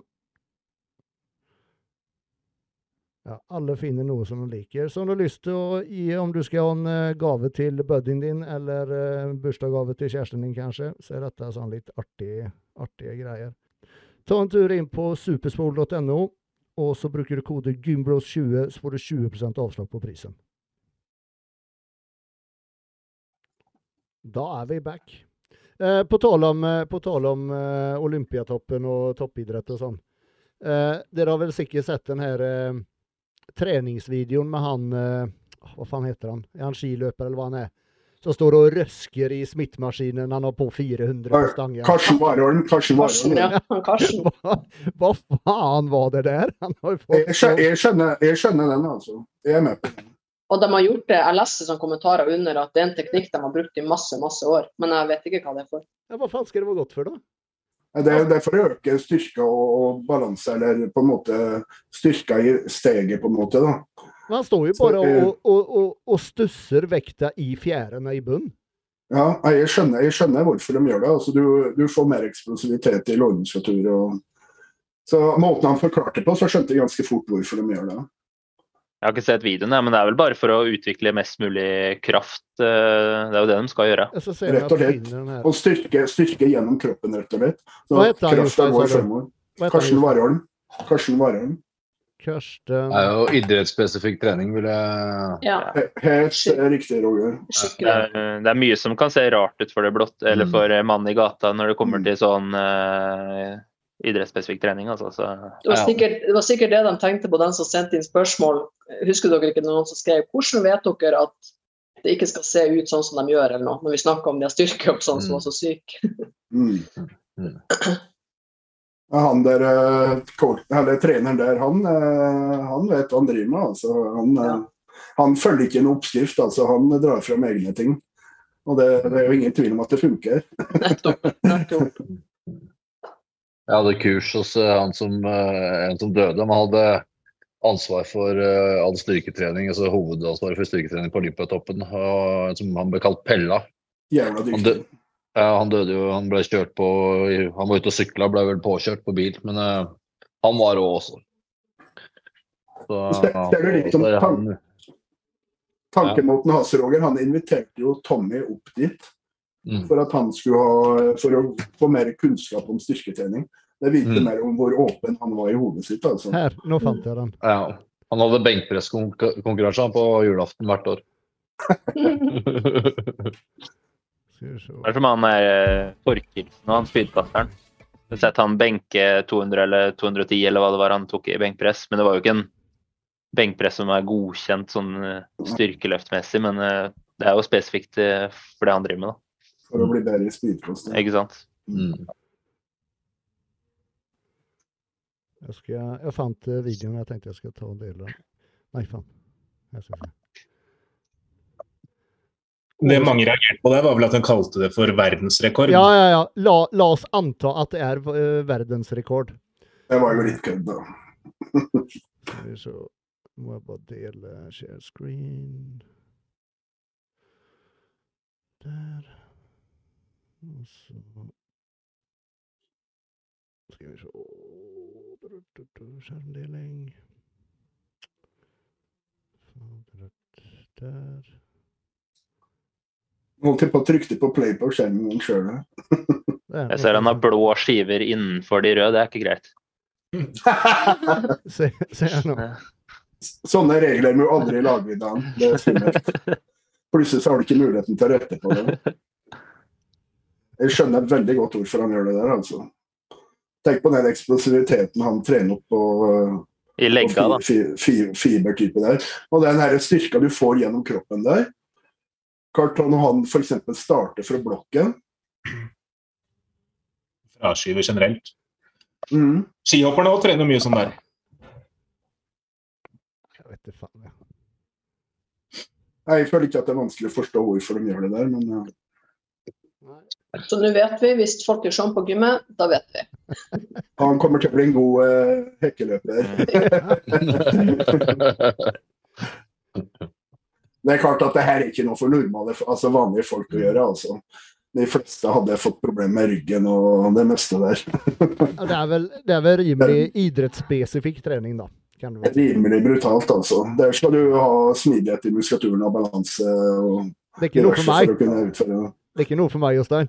Nei, uh, vi ikke anbefaler den der. Nei, skal... Det er det samme som ja, Tilbake en tid så var jeg med alpinlandslaget på basetrening. Og etter en time med bevegelighet og mobilitet og balanse sånn, så satte de opp fire kasser, og så, en sånn kvadrat, og så sier det var hver eh, side da, hadde fem meter. Og så hadde alle hver sin kasse, så begynner de med et tog, så de står i hockey. Så skal de hoppe, du skal holde på hofta til han foran deg, alle står i hockey, så skal du hoppe i hockeystilling rundt denne jævla firkanten. Og sånn drev de i var det nesten 50 minutter.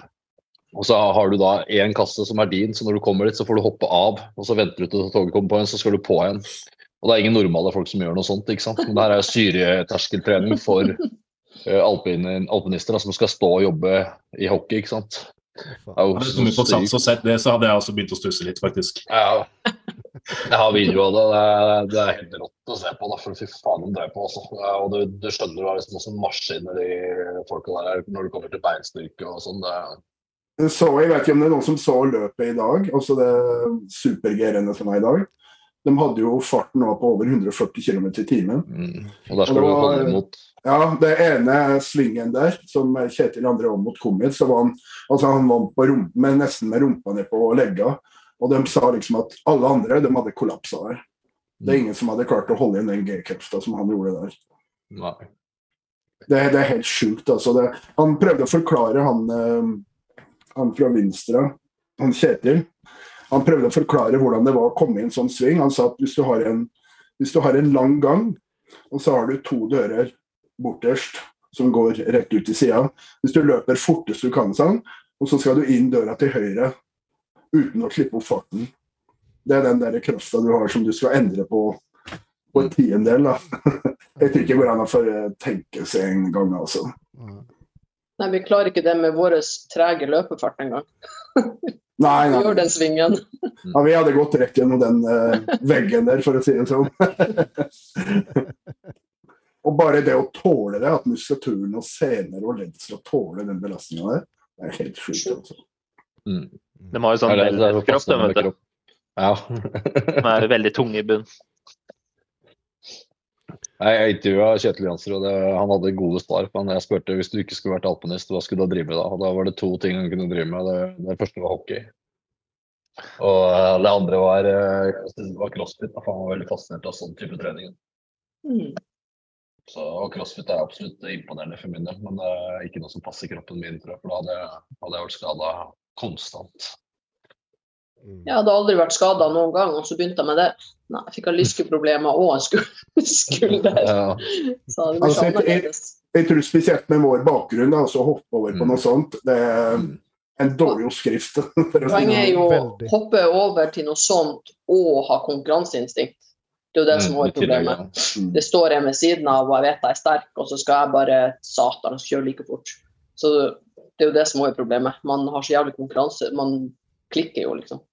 Det blir jo litt motsatt av hva vi driver med. da. Vi isolerer jo på en måte og får en bevegelse så tung som overhodet mulig. Her skal de plutselig gjøre det helt motsatte. Her er det bare å få det opp. Ja. Og, og fære under stanga på masse av løftene. Mm. Det er ganske brutalt, altså. Eh, faen, klokka går fort. Skal vi ta et på spørsmål? Skal vi se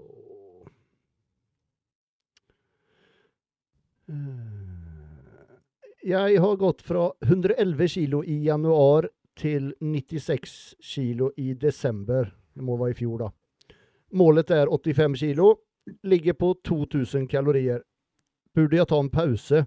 Mann 31, 186 cm. Det var lite faktor å gå ut fra, må jeg si. Da var det sånn, Han har gått fra 114, var det du sa? 111 til 96. Og han har brukt nesten et år på det, så han har jo gått ned veldig, veldig veldig gradvis. Mm.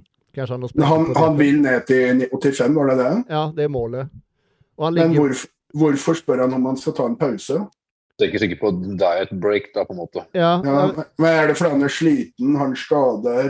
Ja. Det er hva som er mest helsemessig Ja, det er jo veldig vanskelig å svare når du ikke har noen forutsetning for uh, hans så som, så som jeg tolker det, så er det bare han, han, han, han spør om, om uh, han, han, bør ta en pause, eller om det bare er å kjøre på. Jeg kjenner ikke som at han har noen problemer. eller at... Sånn, ja.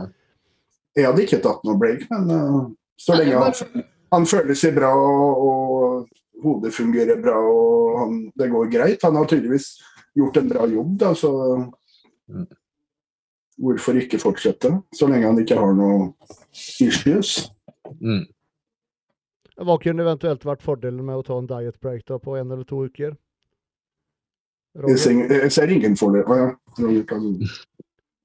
Hvis ikke han har noen komplikasjoner med det, så er det ikke noe problem å fortsette. Men, uh, men er det sånn at dere, han stagnerer på 2000 kalorier som uh, voksen mann, og, må, og alternativet er å kutte ned enda mer, så ville jeg kanskje tatt en liten break eller sett på mm. andre alternativer da, enn å gå ned på maten. Mm.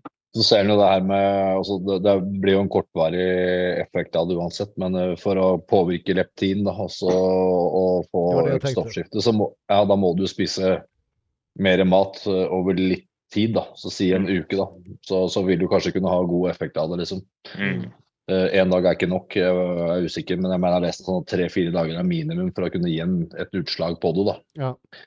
Og så kan det være motivasjon. ikke sant? Hvis du har gått lavt lenge og dritlei, og, og sånn, så kan jo det også ok, nå, nå, Fra den datoen til den datoen så tar jeg litt fri, jeg har litt rundere kanta, og så kan det være nok til at det, motivasjonen er tilbake igjen. Altså, sånne faktorer kan jo spille inn. da. Mm. Kanskje vært lurt å bare gått opp litt på kaloriene, altså sett 400-500 kalorier ekstra per dag. Gjort det et par uker. Eh, og så bare starta på igjen. Jeg tror kanskje at det kan være skummelt å gå og hvis man drar det for langt, at man kan dette ut av hele systemet. Da. For hvis, du, hvis, du logget, hvis han har ligget på 2000 i et år, så, så, vil jo det å bare øke 300-400 kalorier kanskje gjøre at han også øker energi-outputen med mm. tilsvarende. da. Mm. At han får den der boomen av mer energi, at han også da legger igjen mer på gymmet og i hverdagsaktivitet. At det kanskje heller bare føler seg bedre. da. Mm. Hvis det leier seg litt bak spørsmålet, så, så, høres det kanskje litt ut som han har kanskje føler sjøl at han har kommet litt lavt på kaloriene. da. Hvis de forstår det riktig. Og da kan det jo være kanskje lurt å gå en periode. Mm. Jeg oppfatter sånn sett egentlig bare spørsmålet som at han bare vil ha en formening rundt det. Ikke at det er noe særlig, ikke at det er noe særlig grunnlag bak, egentlig. Nei, det er derfor det er vanskelig å vite liksom, hva mm. du skal svare. Da, på en måte. Men det er klart at hvis man, det er litt som Dan, Dan tok opp der, at hvis, hvis han er på 2000 og man begynner å gå lavere for å komme ned, så, så kunne det kanskje vært greit å prøve å få opp den forbrenninga litt. Men det er vanskelig å si. Basert på informasjonen som er gitt, så vil jeg si nei. Mm. Uten å vite, liksom. Hvis, ja. hvis man ikke vet noe om Hvis han bare spør fordi han er nysgjerrig, så nei. Mm. Jeg tror det er det han gjør, for han nevner jo ikke noe problemer med det. noe som helst. Så. Ikke sant. Peis på. Jeg, ser for meg har helt sikkert spist mer også i perioder. på en måte Hatt noe, noen dager hvor han sikkert har kost seg litt mer. så... Ja, man har vært på diett i ett år og gått ned uh, Hva blir det? 15 kilo. Ja.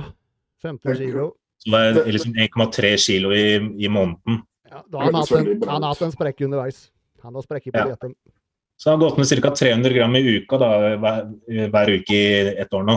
Det er veldig fornuftig uh, nedgang, da. Hvis du, er, hvis du, er, online, da, så kan han jo nevne om han føler at han uh, må spise veldig lite for å fortsette å gå ned, eller om han har noe issues med det. Føler seg energifattig, eller uh, Hvis han kan skrive noe. Han er jeg, tenker, jeg tenker at Han burde i hvert fall tenke på at det her er det laveste han ligger. Han burde jo ikke gå lavere. Nei. Heller, uh, ja. Helt enig. Mm. OK. Og så igjen har vi fått spørsmål hvordan kan vi løfte sporten i Norge? Jeg vet ikke hvor mange ganger vi har svart på det nå. Nei, det går ikke, det, da. Podcast. jeg bare gir opp.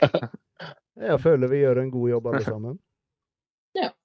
Og jeg føler at det blir, det blir større og større for hvert år, blir det ikke det? Altså, Vi har jo liksom få deltakere, men vi hadde jo nesten 450 medlemmer nå før det ble ja, nytt år. Ikke sant? Så det er jo ikke Men det, jeg tror òg at man må innfinne seg litt i at det er en særidrett i Norge. Jeg tror ikke at Altså Vi har jo hatt jeg vet ikke, 300 utøvere og sånn, men Men også Jeg tenker at det ligger på et litt annet nivå. Ja, for det, det her ligger liksom i, på samfunnsnivå. altså Hvor godt akseptert er kropp, kroppsbygging og fitness mm. i Norge? liksom. Vi blir jo litt uglesett og sett ned på. Og så har til og med, til og med crossfit, som er sett bedre på, har jo òg mm. tatt mye av mm. eksempel folk jeg kjenner som holdt på før, de holder jo nå på med crossfit. Og det er helt greit, på en måte. Det er mye mindre uglesett enn hva vi er. Mm. Ikke Is Island som det har vært veldig mye bikini og alt sånt, og nå driver de omtrent bare med jo, stemmer. Spør Marius. Ja. Han er mye oppi der. jo, men det stemmer, det. Island var jo eh, Kan man si ledende? Jeg føler de var ganske ledende innenfor fitness før. Eh, for typ ti års tid siden så hadde de ekstremt mye bra utøvere, og det var stor Ikke en stor idrett sånn i stor skala, men det var mange som drev med det. I forhold, I forhold, til hvor mange innbyggere på, er på Island? Definitivt, ja. Så, så var det det. Det var fem. Jeg husker når jeg var Nei, nei, nei det var mange, altså. Jeg husker når jeg var De hadde bortimot 150 utøvere som konkurrerte på, på stevnene sine. Ja. Og de er 500 000 innbyggere i hele Finland. Finland. Nei, Island. Jeg husker Men Marius, på... Marius vi, var, vi, var, jo på i Finland, og der, der er det jo helt sinnssykt. Det, det, var det jeg tenkte å nevne. for det, det, Noe er det jo tydelig som kan gjøres. fordi Finland har 5,5 millioner innbyggere like mange som hva vi har, men de har over 600 utøvere per konkurranse. Og de gjør det jo superbra internasjonalt også, flere av dem. Så men også, men også der, hvordan er, hvordan er byene? Hvilke byer er det det er stort i? Mange faktorer inne i bildet her. Skal jeg nevne byene? Var det, var det et reelt spørsmål? Nei, men altså, jeg tenker bare òg at jeg vet ikke. Jeg tror bare Jeg har vært i denne idretten siden jeg var 17 år, liksom, og jeg må si at jeg syns ikke det er så veldig mye mindre uglesett enn det var før, på en måte. Jeg, jeg tror nok noe av Nei, ikke at det er så uglesett, men jeg tror noe av det som har gjort at Finland f.eks. er så langt foran, da, det er at de er en del av idrettsforbundene. Ja, selvfølgelig. Og de har da gjort de tiltakene som må til for å komme inn der. Um, de har ekstreme tiltak i forhold til antidoping, hvor antidoping kommer hjem til utøverne og tester dem året rundt. Og så faen, ja, det fikk vi høre eksempler på der. Ja. Hvordan har du med økonomi til det? Det flatter med i forbundet.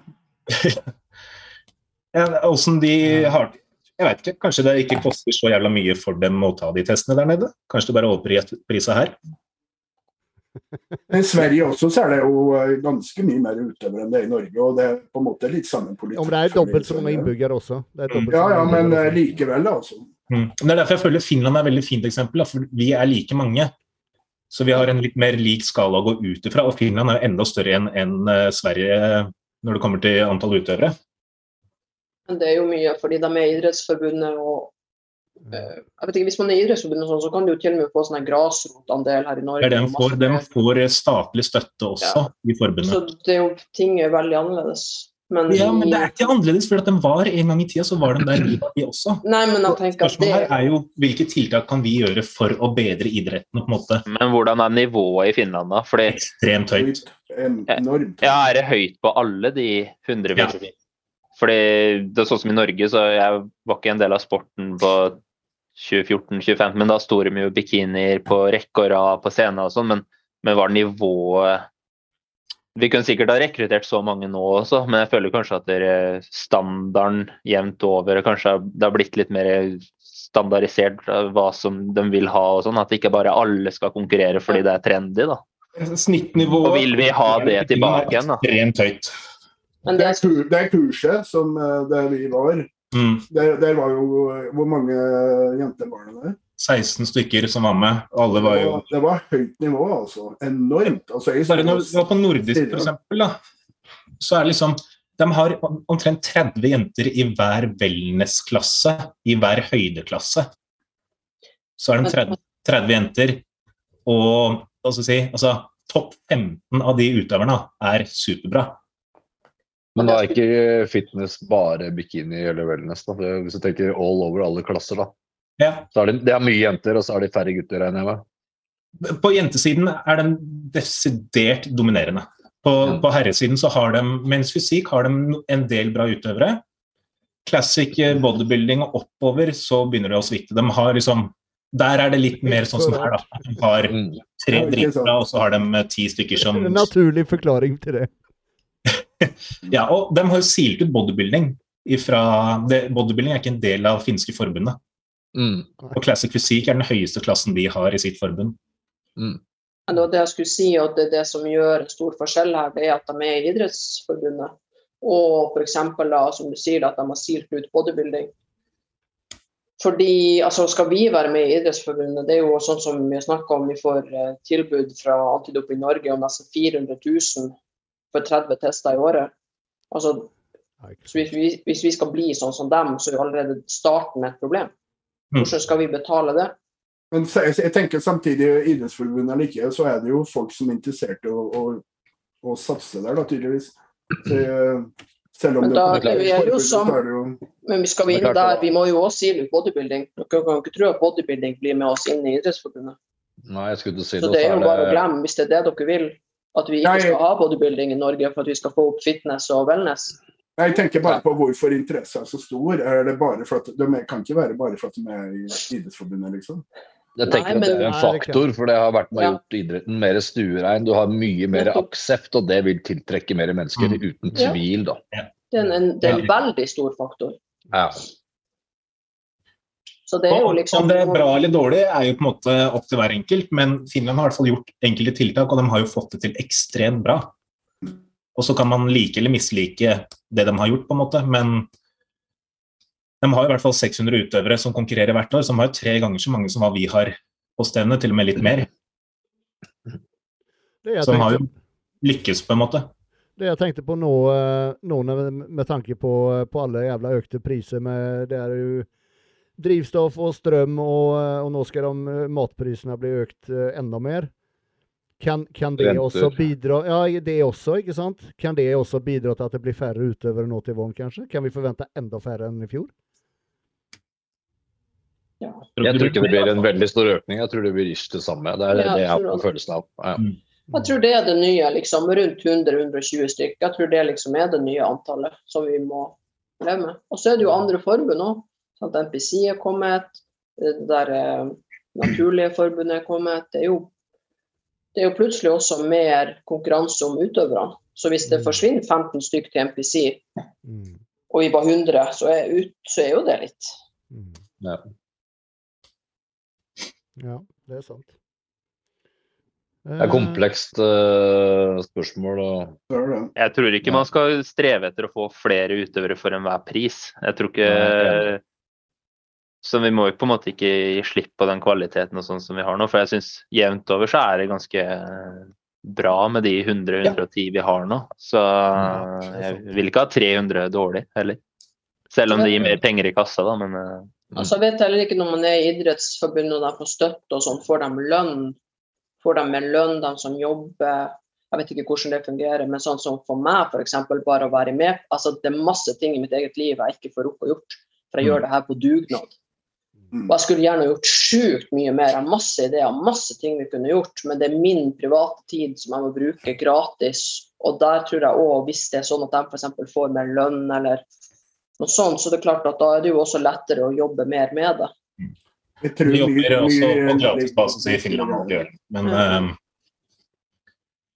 men det er absolutt forståelig. Altså, hadde man fått betalt for dette, det er avhengig av å ha nok økonomi til det. Hadde det vært økonomi til å lønne de som sitter i styret her, sånn, så ville jo på en måte altså innsatsen blitt mer deretter. I hvert fall vært mer rettferdig å kreve det, i hvert fall. Men om det hadde økt medlemsbasen og kvaliteten på utøverne, det er ikke sikkert. Jeg tror det å ha hatt noen som hadde blitt betalt og så sittet og jobba og liksom hatt det som jobb, så kunne det dratt opp ganske mye, tror jeg. Jeg ser sånn som dere kommer fra, en bitte liten bygd, 2000 innbyggere der. De har jo langløp på ski, de har hatt EM i, i sånn uh, sykkel, altså sånn uh, terrengsykling. Uh, det er sinnssykt aktivt der. og der har de, de begynte de også å ha en president på en måte som ble, som ble betalt da, i forbundet. Mm. mm. Jeg, jeg, tenker sånn, for, for, min del, i forhold til det spørsmålet um, litt sånn som Dan sier, da, det handler kanskje ikke om å nødvendigvis få flere utøvere, men en måte å på en måte Kall det ta bedre vare på de utøverne man allerede har, da. Det er litt sånn som når vi drar til Vi har jo kun EM og VM hvor Norge på en måte er representert. Men alle utenlandskonkurranser så representerer vi i utgangspunktet Norge også. Jeg syns det skulle vært litt mer system rundt sånne utenlandskonkurranser. Ikke nødvendigvis at forbundet sender en egen coach, for det skjønner jeg at de ikke kan bruke sin økonomi på. Men at det hadde vært mer organisering, da. Så er det syv utøvere fra ulike team som skal ned, og én coach. Så kanskje forbundet tar en prat med denne coachen. At det samles til en gruppe. Man reiser som en gjeng. Man reiser som et Kall det et landslag. Mm. Kunne gjort det mer attraktivt òg. Ja, det gjør det mye mer attraktivt. Og kanskje hatt noen uh, drakter som man bruker for å vise at man representerer Norge internasjonalt. Man trenger ikke ha landslagsdrakt, men en egen drakt for sånne konkurranser eller et eller annet. Da. Det blir mer jobb for styret, selvfølgelig, men jeg tror I Norge da litt sånn, det er litt sånn kultur for at utøverne konkurrerer bare her, og så er de ferdige. Vet ikke hvor mange år vi har prøvd å få dem til Sverige og liksom det som skjer rundt for å støtte liksom, Norden. Men utøvere i Norge de føler seg liksom ferdig etter NM eller Det er helt riktig. Men... De, det er sånn, ja, det er ikke som en kultur for det. At her gjør man de stevnene, og så er man ferdig. Ja, Men samtidig så er det noen, og hvis det bare er fire stykker som reiser videre til Mr. Universe uh, i Praha eller uh, Diamond Cup i Malta etter uh, GP nå, da. Om det så bare er fire stykker, så bør de fire på en måte verdsettes, for det må frontes en, ett sted må du starte. Så om de fire på en måte frontes og får en type drakt som vi representerer Norge, de sendes ut og liksom Dette frontes, Norge er stolte av de som drar ut. Så neste år så kanskje det er ti stykker. Og så blir det 15, fordi at dette ser ut som noe som er gøy å være med på. Jeg skjønner veldig godt hva du Ja, det ligger, det ligger mye i det du sier der, Marius. Mm. Ja. Når jeg var med i 92, så var jeg med på Da var målet mitt egentlig bare å Ikke bare, men målet mitt var å vinne NM, da. Og så ble vi sendt til VM, og vi fikk jo landslagsdrakter. Det var med coacher, altså hele opplegget var jævla bra. Betalte ingenting. Og uh, det, den turen den var såpass inspirerende at jeg tenkte at OK, nå fortsetter Det her var starten, på en måte. Det, det gjorde den sammen Altså den der sosiale biten og at du var en del av et landslag, hadde landslagsdrakt. Og det, det, sosiale der, det gjorde at jeg fikk rett og slett lyst til å, å fortsette.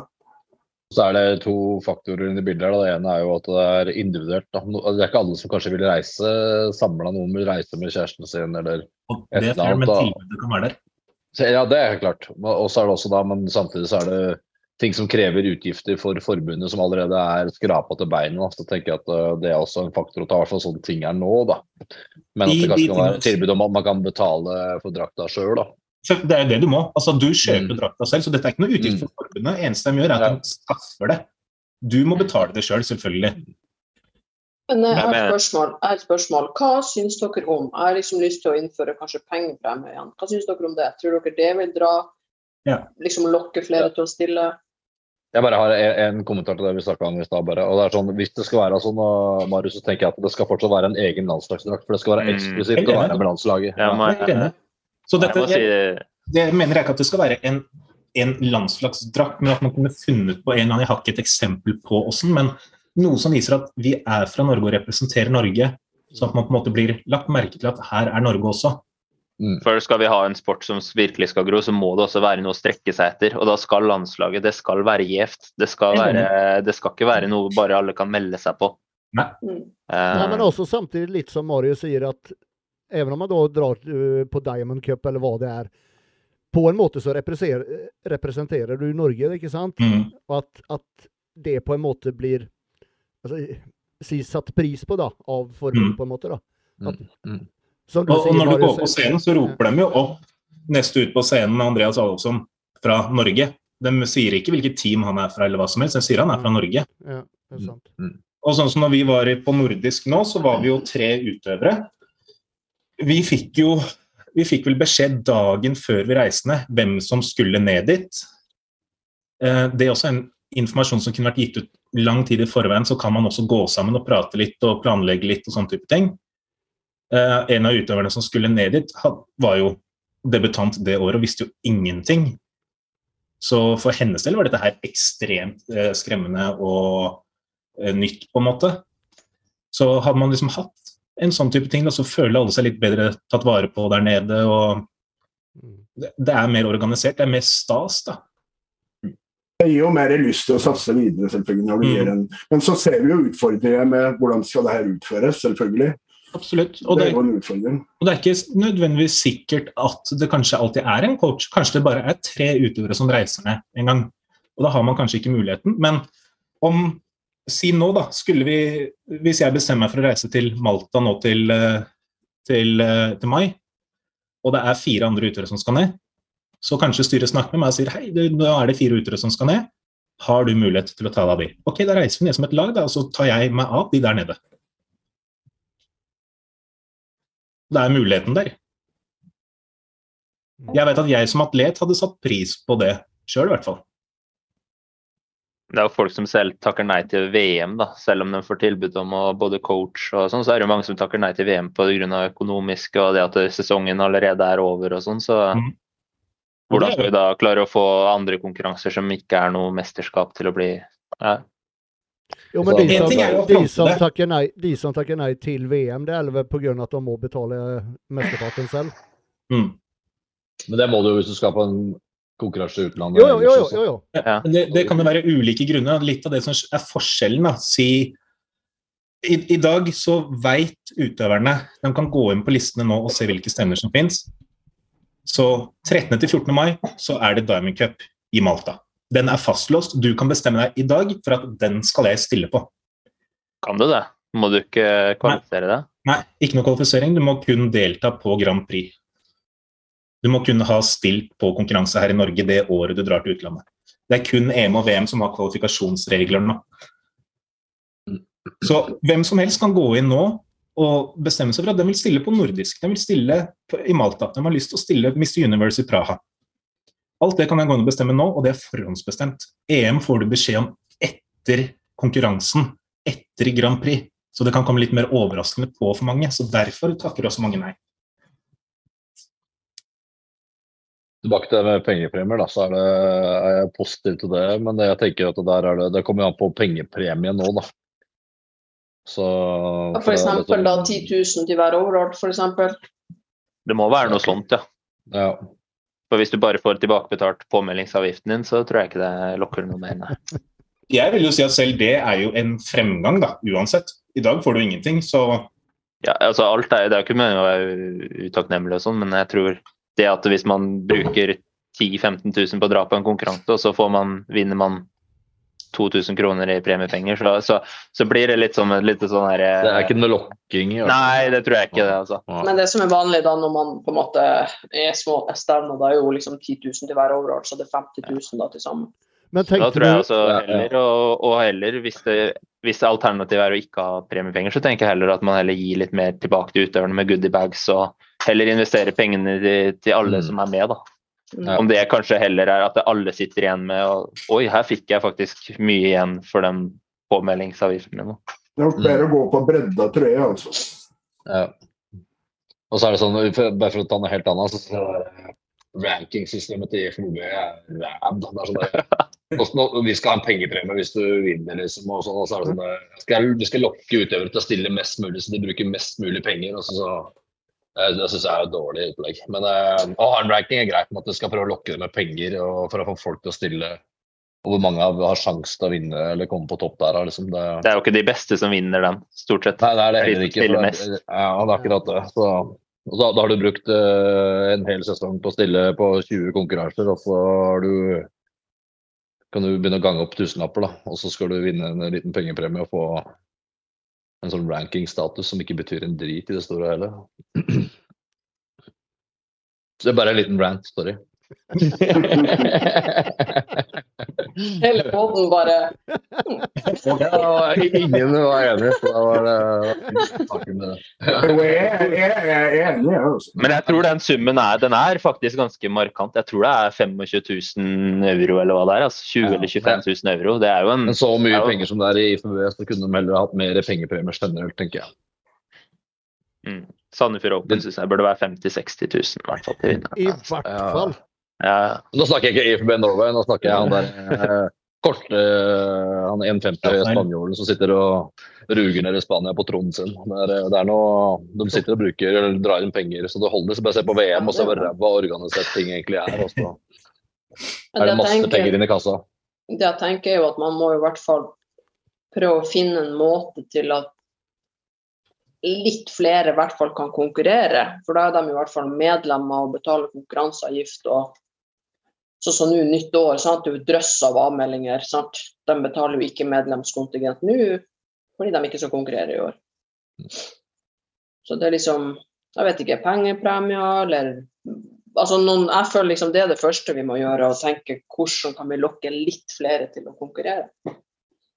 Jeg tror for goodiebags kanskje er en bedre idé. Noe sånn at du, du melder deg på på registrering, så får du litt mer enn en T-skjorte. Du kanskje får et kosttilskudd, du får noe å drikke, du får noe Ja, et eller annet, da. Men gjør, mm. Om det er en, gjør det jeg tror ikke det gjør at flere melder seg inn og skal konkurrere, for å være helt ærlig. Det var vanskelig å få en syl i været her i dag. Nei, det var akkurat det jeg skulle si, Flisa. Ja, jeg sitter her flere ganger. Ah. jeg veit hva du skal si. Men det jeg skulle til å si um, Hva var det jeg skulle si? Jo, om, om, om det nå skulle vært pengepremier, da. I så fall burde det vært annonsert langt i forveien. Kanskje et år i mm. forveien, slik at folk ja. kan planere inn det, ikke sant? For ingen vits det har sagt. Det sagt. Det er ingen vits å komme med det nå. Nei, nei. Fordi nå er det for seint. Nå er preppen Nå er det Hvis jeg skulle hive meg rundt uh, i morgen, sant? Altså, man må jo ha tid til å faktisk mm. Hive seg på. Så mm. da må jo det være neste, neste sesong, da. Mm. Dan, Dan brukte syv måneder, var det ikke det? Jo, jo noe sånt, ja. Hvis det, blir, hvis det blir 50 000 i Sandefjord, da kan du gå på en kjapp en igjen. Mm. Ja. jeg veit ikke om det her er noe som på en måte rekrutterer mer folk, men jeg tenker at hvis forbundet også får en bedre gradvis økonomi, så hadde det jo vært fint å tilby flere på landslaget og også dekke utgiftene, tenker jeg. Og så kan man heller ha litt høyere krav til de som deltar, f.eks. At det, mm. det er ikke det er noe vi kan... vinner, klassa di, men du må faktisk ha noe der å gjøre, liksom. Det er et godt poeng. Mm. Men, men, samtidig er det Skal vi bli så strenge at vi kun sender de tre absolutt beste som har noe der å gjøre? Hvis vi ser på det i dag, da, så er liksom Finland sender 100 stykker, Sverige sender 80 stykker, Norge sender 12. Ja, men fortsatt så er det tenker jeg at Hvis du vinner klasse, så skal det ikke være noe automatikk. Altså, hvis, du, hvis du er way off men klasse, og du vant klassa for klassestandarden var ræv, så er det jo ikke noe vits å sende deg til et EM eller et VM. Nei, og der, altså, Du skal ikke ha noen maksbegrensning heller. Er det seks grisebra i en kategori? Ja, det er jeg, enig. Det er jeg helt enig i. Absolutt enig i det. Så jeg, jeg, mener at det er kanskje en av de tingene som er det. Altså, vi, må se litt på hvor Norge ligger i forhold til idretten i dag. Og per nå så har vi ikke så mye utøvere. Kanskje vi skal fire litt grann på kravet og kanskje gi flere muligheten til å være med på internasjonale stevner, sånn som EM og VM. For å la flere i hvert fall få muligheten. Kanskje de ikke har noe der å gjøre. altså Selvfølgelig skal nivået være innafor et visst nivå, på en måte, sier seg selv. Men hvis vi sender 25 stykker istedenfor 12, så, vi, vi, sendte jo i fjor, altså ikke det første, hva blir det, til EM i fjor. Da var vi jo Hvor mange får vi da? 26 eller noe. Ja, og det er jo ganske stor prosent i så få vi er. De andre som mm. sender, sender 70 stykk, de har jo mange flere på stevne. Mm. Så det er jo ikke sånn at uh, vi har vært ganske løse i strikken, for å si det sånn. Vi har ikke sendt mange de siste åra. Altså, eh, stryk korona har vi ikke sendt noen, men etter det Vi sendte jo ikke veldig store grupper. Først nå i våre så at vi sendte 26. Utenom det så har vi ligget på 10-15 stykker som er reisende, stort sett. Men det er jo etter at vi endra til uttakskomité. Mm. Så det er jo det som har vært målet. At det skal være at, det, at det er litt flere. At ikke vi bare sender fem stykk. At det liksom Men hvor mange, hvor mange, som ble igjen i Norge nå i høst, tror dere hadde hatt noen eh, nedi der å gjøre? holdt jeg på å si. Da. Jeg skal bare si fra det jeg så live der nede, så det, liksom, det norske nivået Ja. Men det er jo Det er ikke at den trenger å hevde seg, men det er det at den Nei, men Er det ikke det litt av hensikten med et landslag? At vi skal sende folk som skal hevde seg? Da kan jo Norge drite i å være med i fotball-EM og VM-kvalifiseringene, for vi har jo ikke noe i EM eller VM å gjøre. Vi kommer aldri til å vinne, så hvorfor skal vel landslaget vårt dra ned dit i det hele tatt? da? Hvorfor tape fotballandslag når kun Haaland og Ødegaard er gode nok til å egentlig være der?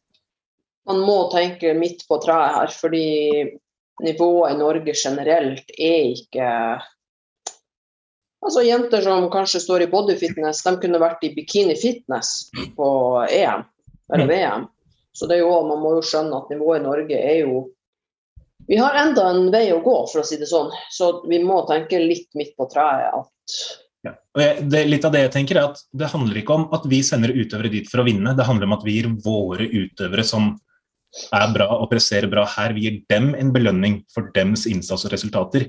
Ikke for hva de kommer til å oppnå, men for hva de har oppnådd. Ja, og sannheten er jo at det det vi har å komme med, på en måte. Det er landslag.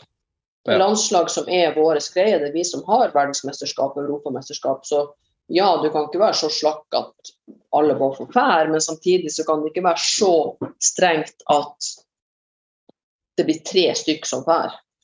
Så da, da blir For jo- ikke IFBB så glad hvis vi sender plutselig bare Det er ikke Ja, det, jo, det, er jo, det er jo tre, det er jo sånn to sider av saken. For det er jo også sånn, ja, det er kult å bli tatt ut på landslaget og være med nedover og sånn, men hvis, man, hvis alle som reiser nedover bare får juling hver gang, vil det være positivt for rekrutteringen, tenker du?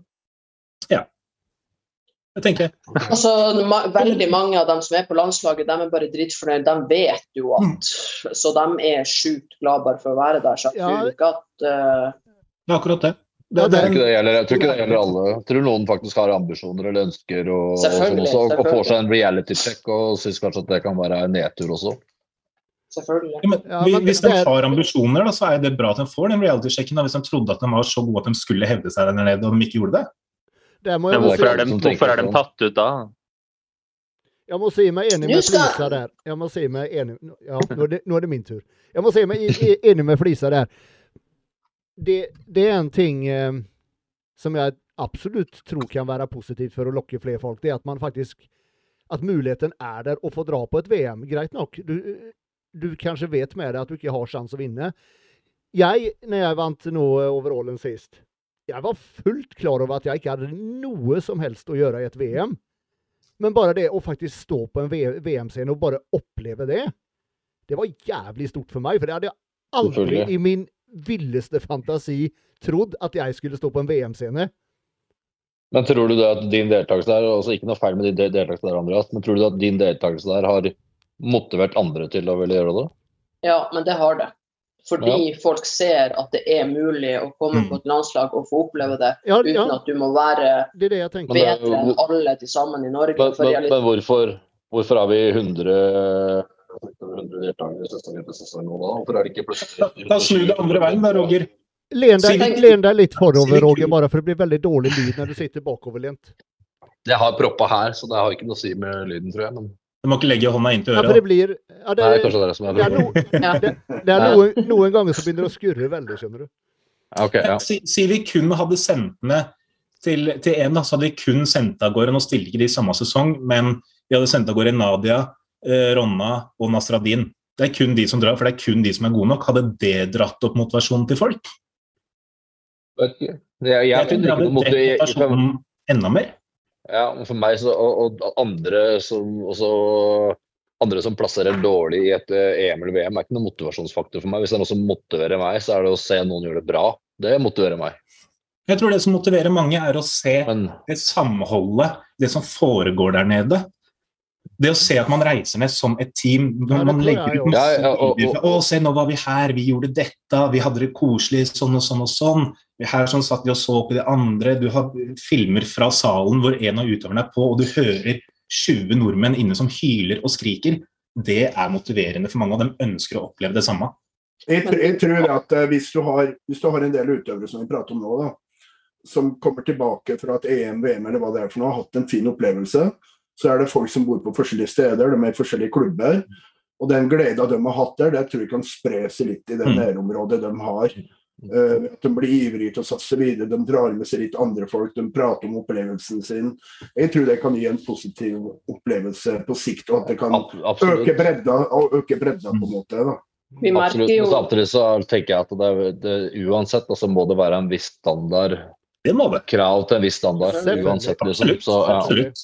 Men det, det, det, er, faktisk, det, har vel aldri vært snakk om at vi bare sender alle kan få dra med. Det er ikke det vi snakker om, men at vi ikke skal være så strenge at vi kun sikter på at du må være på nivået til Nasradin for å ha noe der å gjøre. Mm. Men jeg tror kanskje det Roger tenkte på, at det bør ikke være noe automatisk at det vinner du klassen din, så er du god nok. Nei. Det var det jeg prøvde å si. Nei, men sånn er det jo ikke. Poenget nå er jo at sånn er det jo ikke. det var vel en kategori hvor det skjedde, hvor vinneren ikke blei eh, tatt ut. Jeg vet ikke om det var nå i år, men i hvert fall i våres så skjedde jo det.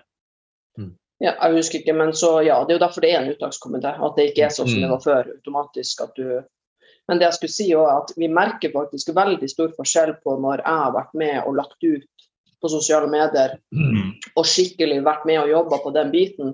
Fordi utøverne er ekstremt mye mer sånn de skriver til oss, de kommenterer, de sier i etterkant, bla, bla, bla. Så vi ser faktisk at det er en effekt av at vi deler det der landslagsgreiene veldig godt. Så aller helst. Og der kommer neste punkt som jeg også mener. Vent vent litt. Hei, det var ikke ferdig. Nei, jeg skulle bare si, men neste plan er jo at han Andreas skal være med og, og ja. lage sånn reportasjer og alt det der. Det har vi jo blitt enige med han Andreas om, så, så vi ser effekt av det. Og, og, og, som jeg sier, det er liksom det vi har. Det er landslaget. Men, det, ja. men det, det, med media, å være mer synlig og sånn, det tror jeg er kjempeviktig for rekruttering og for, vokse, for å få idretten vår til å vokse. Det er jo bare hvordan Sverige har gjort det med mm. sine konkurranser, med pressekonferanser, førerkonkurranser. Altså, de lager jo litt eh, styr, da. Og det mm. har jo tydeligvis vært en positiv ting. Så mm. Bare ikke bli sånn. Før så hadde vi jo bladet, ikke sant? Ja. Uh, og sånn som på 90-tallet, så var liksom Den gangen jeg var med, så var det en som kom til blant de 15, det var jeg sjøl. Men altså, resterende det var folk som hadde noe å gjøre med idretten kanskje over ti år etterpå og skape god reklame. Rune Nilsen f.eks.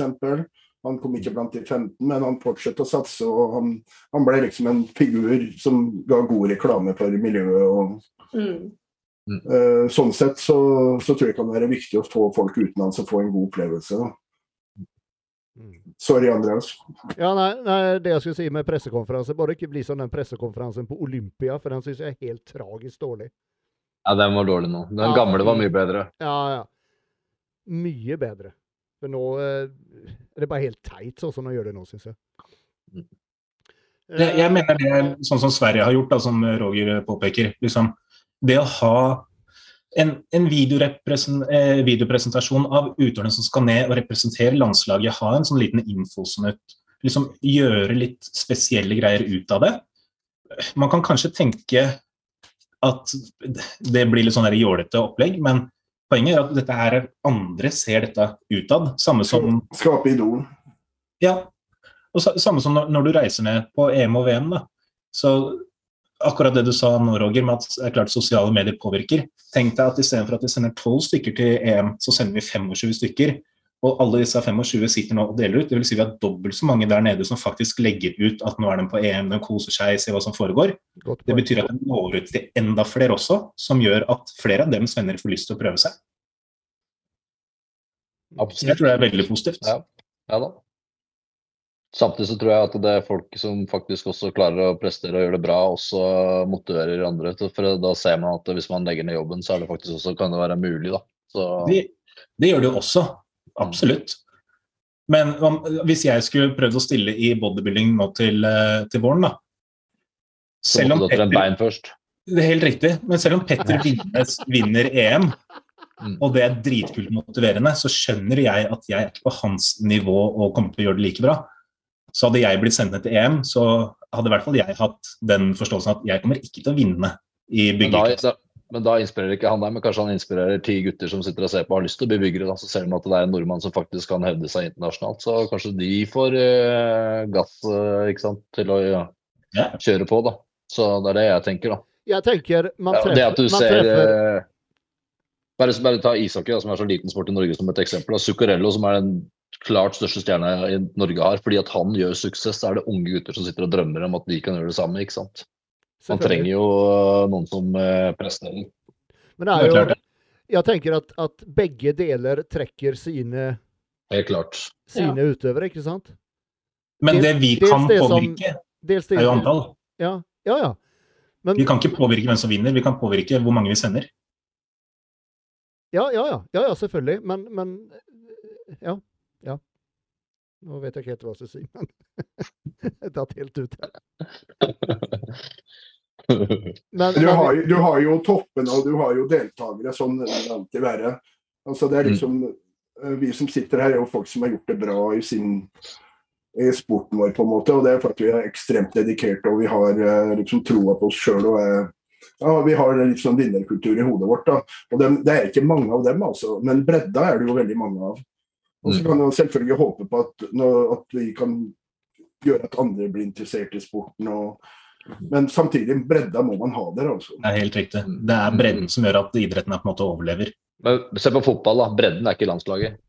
Det er bare, bare det ser sånn ut Når du ser landslaget spille, så ser det ut som at det er eh, ni stykker fra bredden som spiller.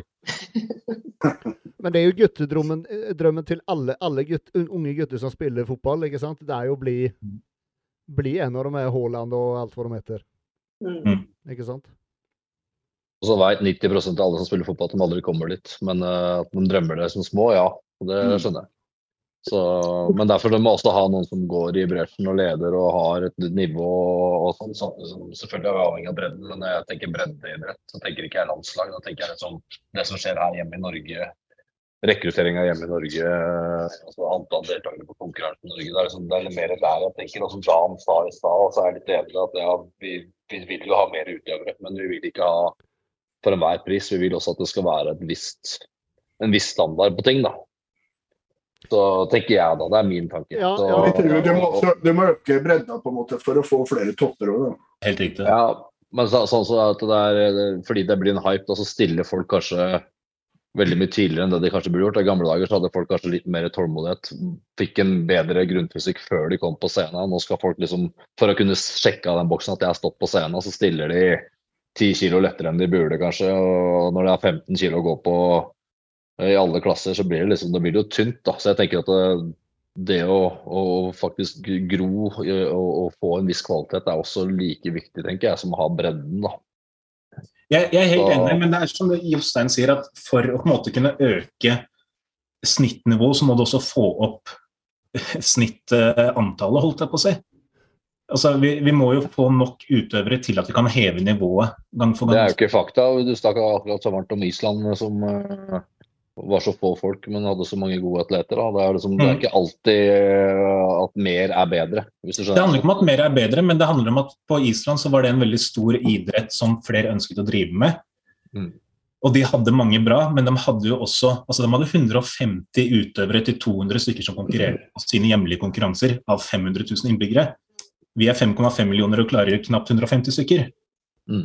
Men så har det jo litt å gjøre også med at så forbundet har veldig lite penger. Flere utøvere, større bredde, gir jo mer det, det, penger. Det skjønner jeg, selvfølgelig.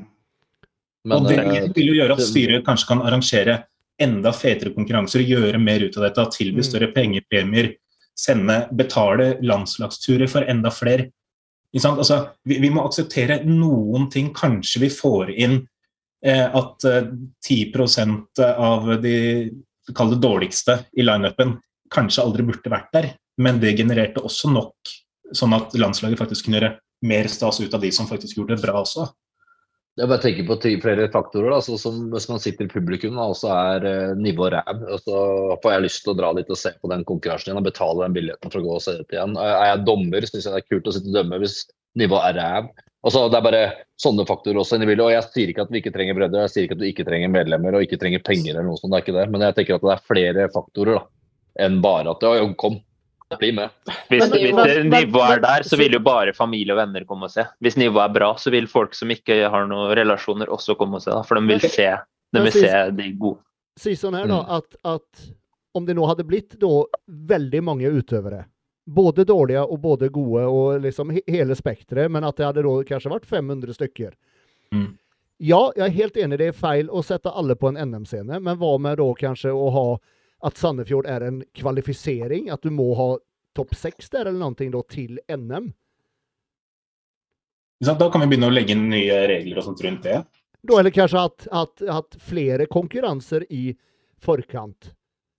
Og at du må, si du må, kvalifisere det, rett og slett. Sånn som det var i, i Var det ikke sånn i gamle dager, Jostein? At det var nei. mer eh, Nei, OK, men det, det var i hvert fall flest evner rundt om i hele Norge, ikke sant? Ja, da var det, det var jo eh, konkurranse i Tromsø. Jeg var ikke altså, det var mye sånne lokale, flere sånne lokale konkurranser. Ja? Mer, mer, sånne altså skal vi si, småklubber i forskjellige byer og sånt, med veldig mm. godt miljø. og Mm. Vi hadde det For inntil to år siden så hadde vi jo toppkvalifiseringskrav for å kunne dra til utlandet generelt. Mm. Ikke bare EM og VM, det var fortsatt eget uttak, men du måtte ha en topp seks-plassering for å få lov å stille i utlandet. Hadde vi jo før. Ja. Det Nei, det er mye, det er vanskelig. Det er, det er ikke, jeg tenker det er ikke noe fasit på det her uansett. Men det er eh, Jeg tenker i hvert fall at eh, det med media er et veldig viktig hjelpemiddel. Å få frem ting. For det du ser jo idretter som er store, de har jo masse mediedekning, og den mediedekning får ikke vi. Så vi må ordne det sjøl. Media er viktigst av alt. Det er derfor jeg har podkasten. Ja, det, det, er, det jeg har mest lyst på, det er en medieansvarlig. For i Sverige har jo han Robin, eller hva han heter. Mm. Og det er jo han ja. som lager alle sånne snutter. Han er fotograf. Han, sånn, så han lager jo materiale, masse av det materialet de bruker. Så det er jo det jeg ønsker meg mest. En som mm. faktisk er medieansvarlig og kan lage alle de tingene. Har tid til det og kan bruke riktige programmer så det ser bra ut. Ja, dere vet alt det der. For mm. da plutselig hadde vi kommet enda mer ut og blitt mm. synlige. Men til det trenger vi mm. penger, ikke sant? Ja, og ikke minst altså, som jeg sier, det er dugnad. Bare å drive den Instagrammen og alt det mm. der. For meg, bare det mm. å lage alt som skal dit, det tar jo, det mer enn nok tid for meg. Skulle ansatt en person til det, og til det så trengs det penger, ikke sant? Ja, ja. ja.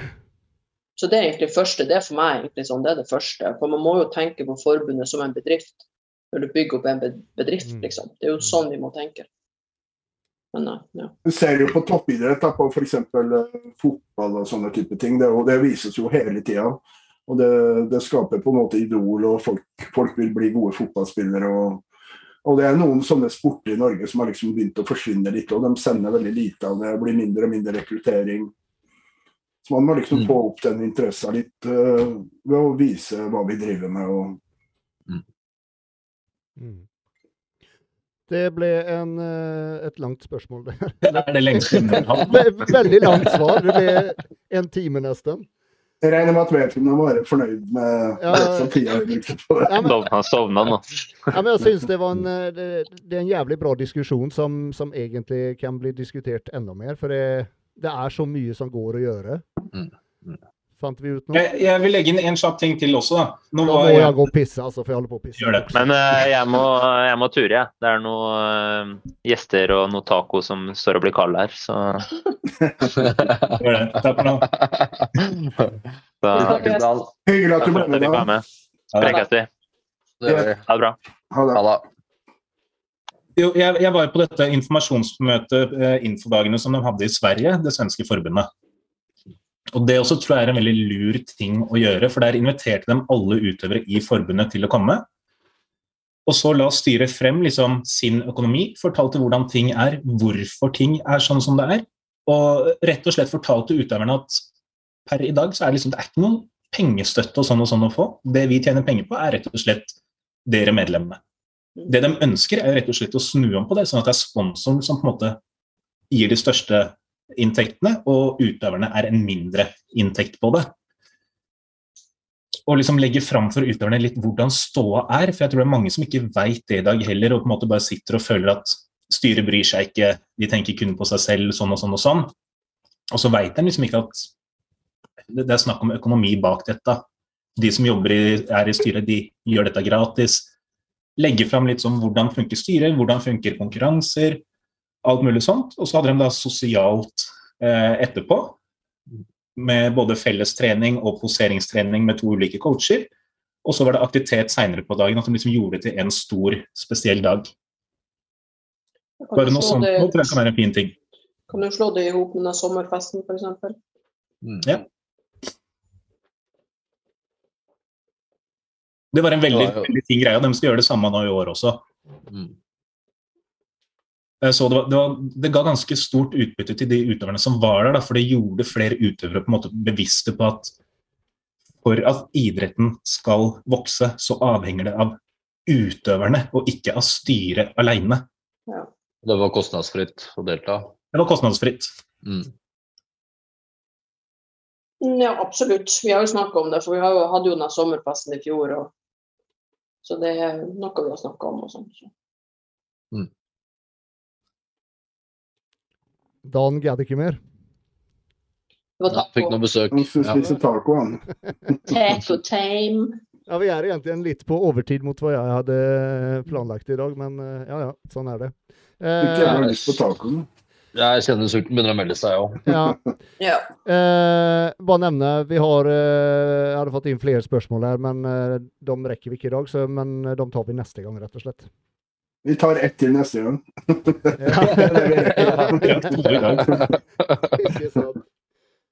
Ja, men supert. Takk for i dag, eh, folkens. Eh, godt, å være, i gang igjen.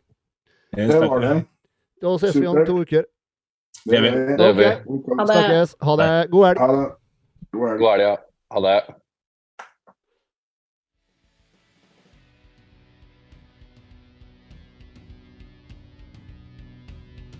Er du en av alle oss som drar på harrytur til svenskegrensen og Svinesund for å kjøpe billig mat og kosttilskudd? Neste gang du drar så bør du absolutt ta turen innom Hälsokostbolaget ved gamle veteranen på Svinesund.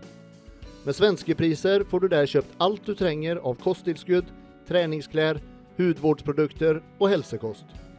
Med et stort og bredt sortiment finner du alltid det du er på jakt etter, og når man topper det med kunnig personal, personlig service og uslåelige priser, så blir du alltid en meget fornøyd kunde. Hälsokostbolaget lagerfører mange anerkjente varer og merker, og nå får du 10% rabatt på hele sortimentet om du oppgir kodeordet Gymbros. Altså om du oppgir kodeordet Gymbros, så får du 10% rabatt på hele sortimentet hos Hälsokostbolaget.